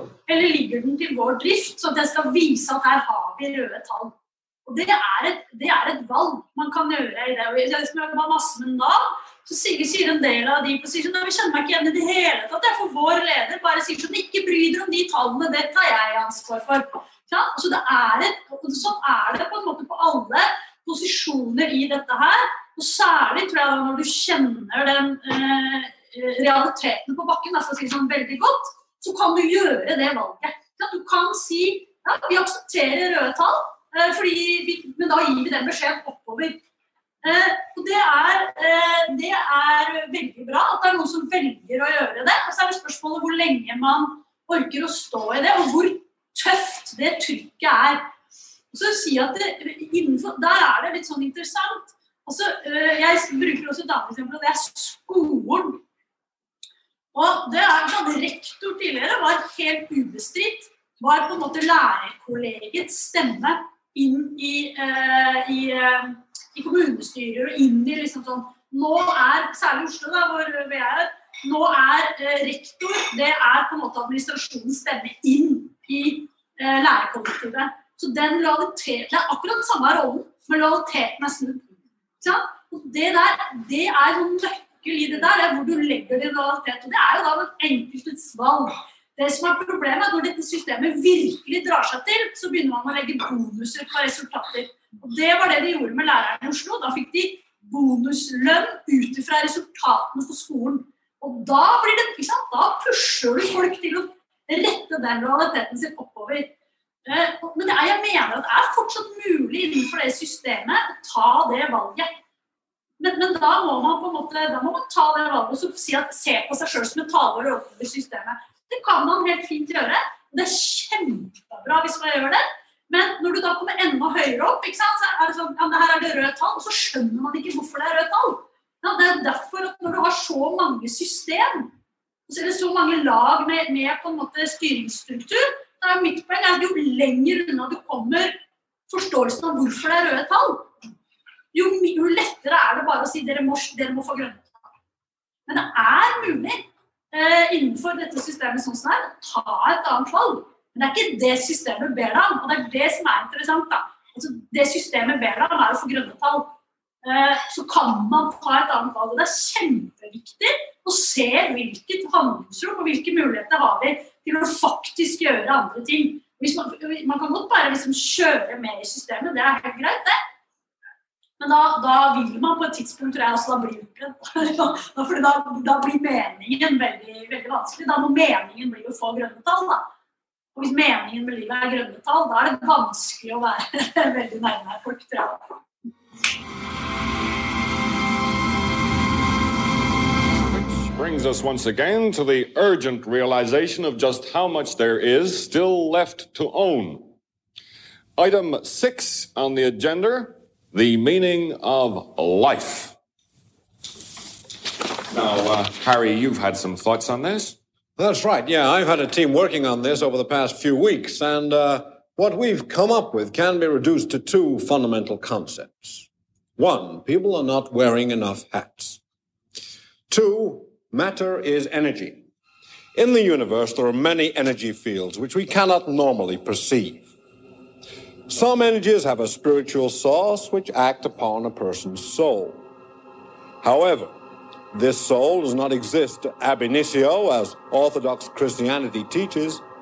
It has to be brought into existence by a process of guided self-observation. However, this is rarely achieved owing to man's unique ability to be distracted from spiritual matters by everyday trivia. What was that about hats again? Oh, uh, people aren't wearing enough. Is this true? Certainly. The hat sales have increased, but not pari passu as our research But when you initially. say enough, enough for what purpose? Can I just ask, with reference to your second point, when you say souls don't develop because people become distracted, has anyone noticed that building there before? Lord. Men det er jo også som det blir sagt da, i forhold til Tore som også har, tar et valg. da, eh, Og som du sier at systemet tillater at du tar et valg. Men hvis man snur på det som eh, han sa, som temperaturmåling, da, altså, som Sondre er med på, eh, sier, da, eh, temperaturmåling oppover, så ligger jo det som du også er inne på, så ligger jo Hvis vi skulle kritisert det systemet oppover, så ligger alt til rette for at man ikke skal gjøre som Toril. da. Eh, ikke sant? Og, det, og det er jo noe som er en risiko, som en sånn, sånn filosof, norsk filosof Vetlesen Jeg husker ikke fornavnet på han, men jeg bare Jon Arne Vettelsen, som er sånn, nesten sånn helsefilosof, han sier jo det at eh, det som også er problemet med denne, dette systemet, er jo litt det vi er inne på nå med at du ender opp med å få bare eh, folk som ikke har noen de på en måte har lyst til å blø for drakta for. Eh, for det ender bare opp i helt sånne Hvem er det de på syke, de som gråter i sykepleierne, hvem er det egentlig de gråter for? Og hvem er det de jobber for? Ikke pasientene, åpenbart, for det får de ikke tid til det de vil. Ikke avdelingslederen som ser oppover. Så du, du får et sånt system som eh, tillitsmessig vil rase sammen på et eller annet tidspunkt. Det er hans eh, ord i litt sånn filosofisk eh, eh, ordlyd, da. Eh, ja, det var bare et lite tillegg på det som du sa. Ja, det var det jeg fikk klipt sammen fra denne fagdagen om New Public Management. Det var eh, spennende å få snakke med Lars Berrum og Linn Herning. Og det var eh, veldig sporty og bra opplegg av eh, arrangøren her, som er altså lokallaget til Psykologforeningen i eh, Førde. Og da med Solbjørg Thorheim Hanitz eh, i spissen. Og det er eh, mye misnøye med hvordan eh, sykehusene driftes fra gulvet eh, nå for tiden. Jeg merker det blant eh, kollegaer, jeg merker det i sosiale medier, jeg merker det i disse forumene hvor psykologer snakker sammen. Og mye handler om denne New Public Management-praksisen, som da får ganske store konsekvenser for velferdssektoren. Mål- og resultatstyring og bestiller-utfører-modellen har rett og slett endra den praktiske hverdagen for fagfolk og verdigrunnlaget i vår velferdsmodell. Det har skapt et omfattende byråkrati med sudoarbeidere, dårlig arbeidsmiljø, lite effektiv styring, en følelse av å hele tiden være toppstyrt og underlagt en rekke prosedyrer og stadig mer fratatt sin egen vurderingsevne, eller mistenkeliggjort på egen vurderingsevne og hele tiden føler seg som en robot eller en eller annen brikke i et større spill, og det tror jeg har redusert utnyttelsen av fagfolks kapasitet dramatisk i sykehuset. Så det kan være grunn til å se nærmere på hvordan denne styringsformen kom seg snikende inn i offentlig forvaltning som denne skjulte reformen. I sykehusene så var det denne reformen på begynnelsen av 2000-tallet som hadde med seg dette dette prinsippet her tatt fra privat næringsliv. Men et fint system muligens, hvis eneste mål er å tjene penger og være effektive. Mens vi skal drive med omsorg og ivaretagelse av mennesker i sårbare situasjoner, så kan vi ikke måle og veie alt på samme måte, og det har vist seg å ikke være noe særlig god løsning. Og majoriteten av de som da jobber på gulvet, har en, føler et visst ubehag med denne modellen, det tør jeg påstå. Det er helt klart en del folk som jobber her, og jeg har også kollegaer som er for denne styringsformen.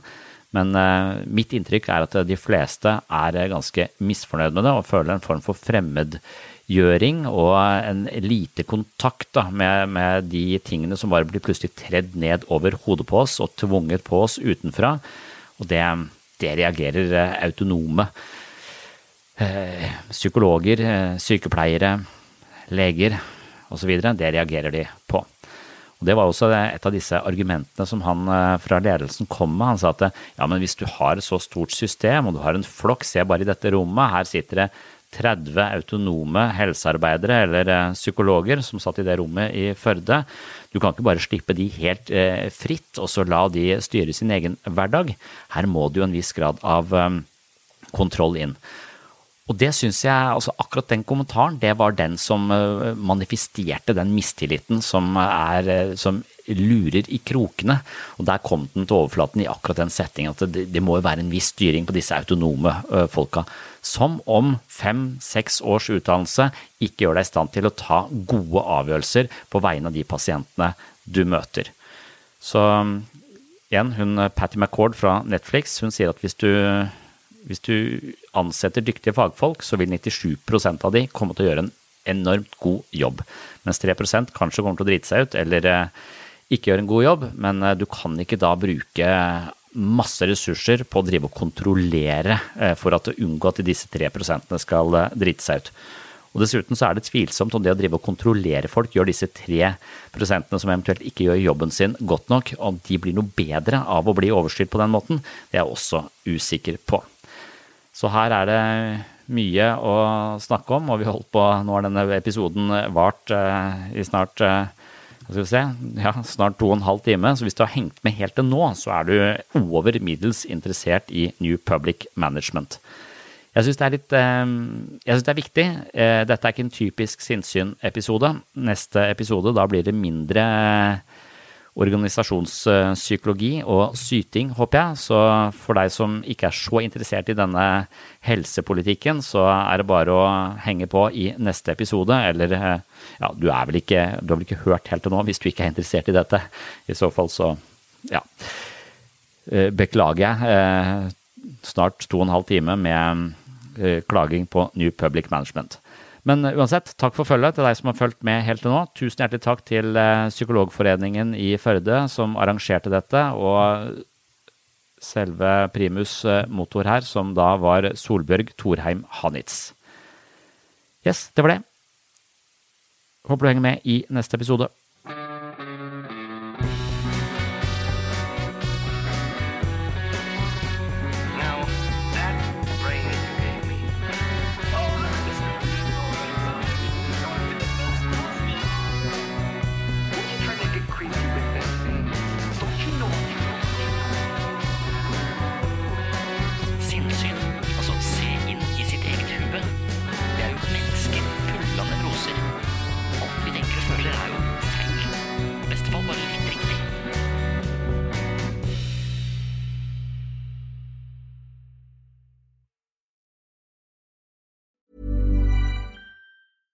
Ever catch yourself eating the same flavorless dinner three days in a row? Dreaming of something better? Well, HelloFresh is your guilt-free dream come true, baby. It's me, Kiki Palmer. Let's wake up those taste buds with hot, juicy pecan-crusted chicken or garlic butter shrimp scampi. Mm. Hello Fresh. Stop dreaming of all the delicious possibilities and dig in at HelloFresh.com. Let's get this dinner party started. Even when we're on a budget, we still deserve nice things. Quince is a place to scoop up stunning high-end goods for 50 to 80% less than similar brands. They have buttery soft cashmere sweaters starting at $50, luxurious Italian leather bags, and so much more. Plus, Quince only works with factories that use safe, ethical, and responsible manufacturing. Get the high-end goods you'll love without the high price tag with Quince. Go to quince.com slash style for free shipping and 365-day returns. Mom deserves the best, and there's no better place to shop for Mother's Day than Whole Foods Market. They're your destination for unbeatable savings, from premium gifts to show-stopping flowers and irresistible desserts. Start by saving 33% with Prime on all body care and candles. Then get a 15-stem bunch of tulips for just $9.99 each with Prime. Round out Mom's menu with festive rosé, irresistible berry chantilly cake, and more special treats. Come celebrate Mother's Day at Whole Foods Market.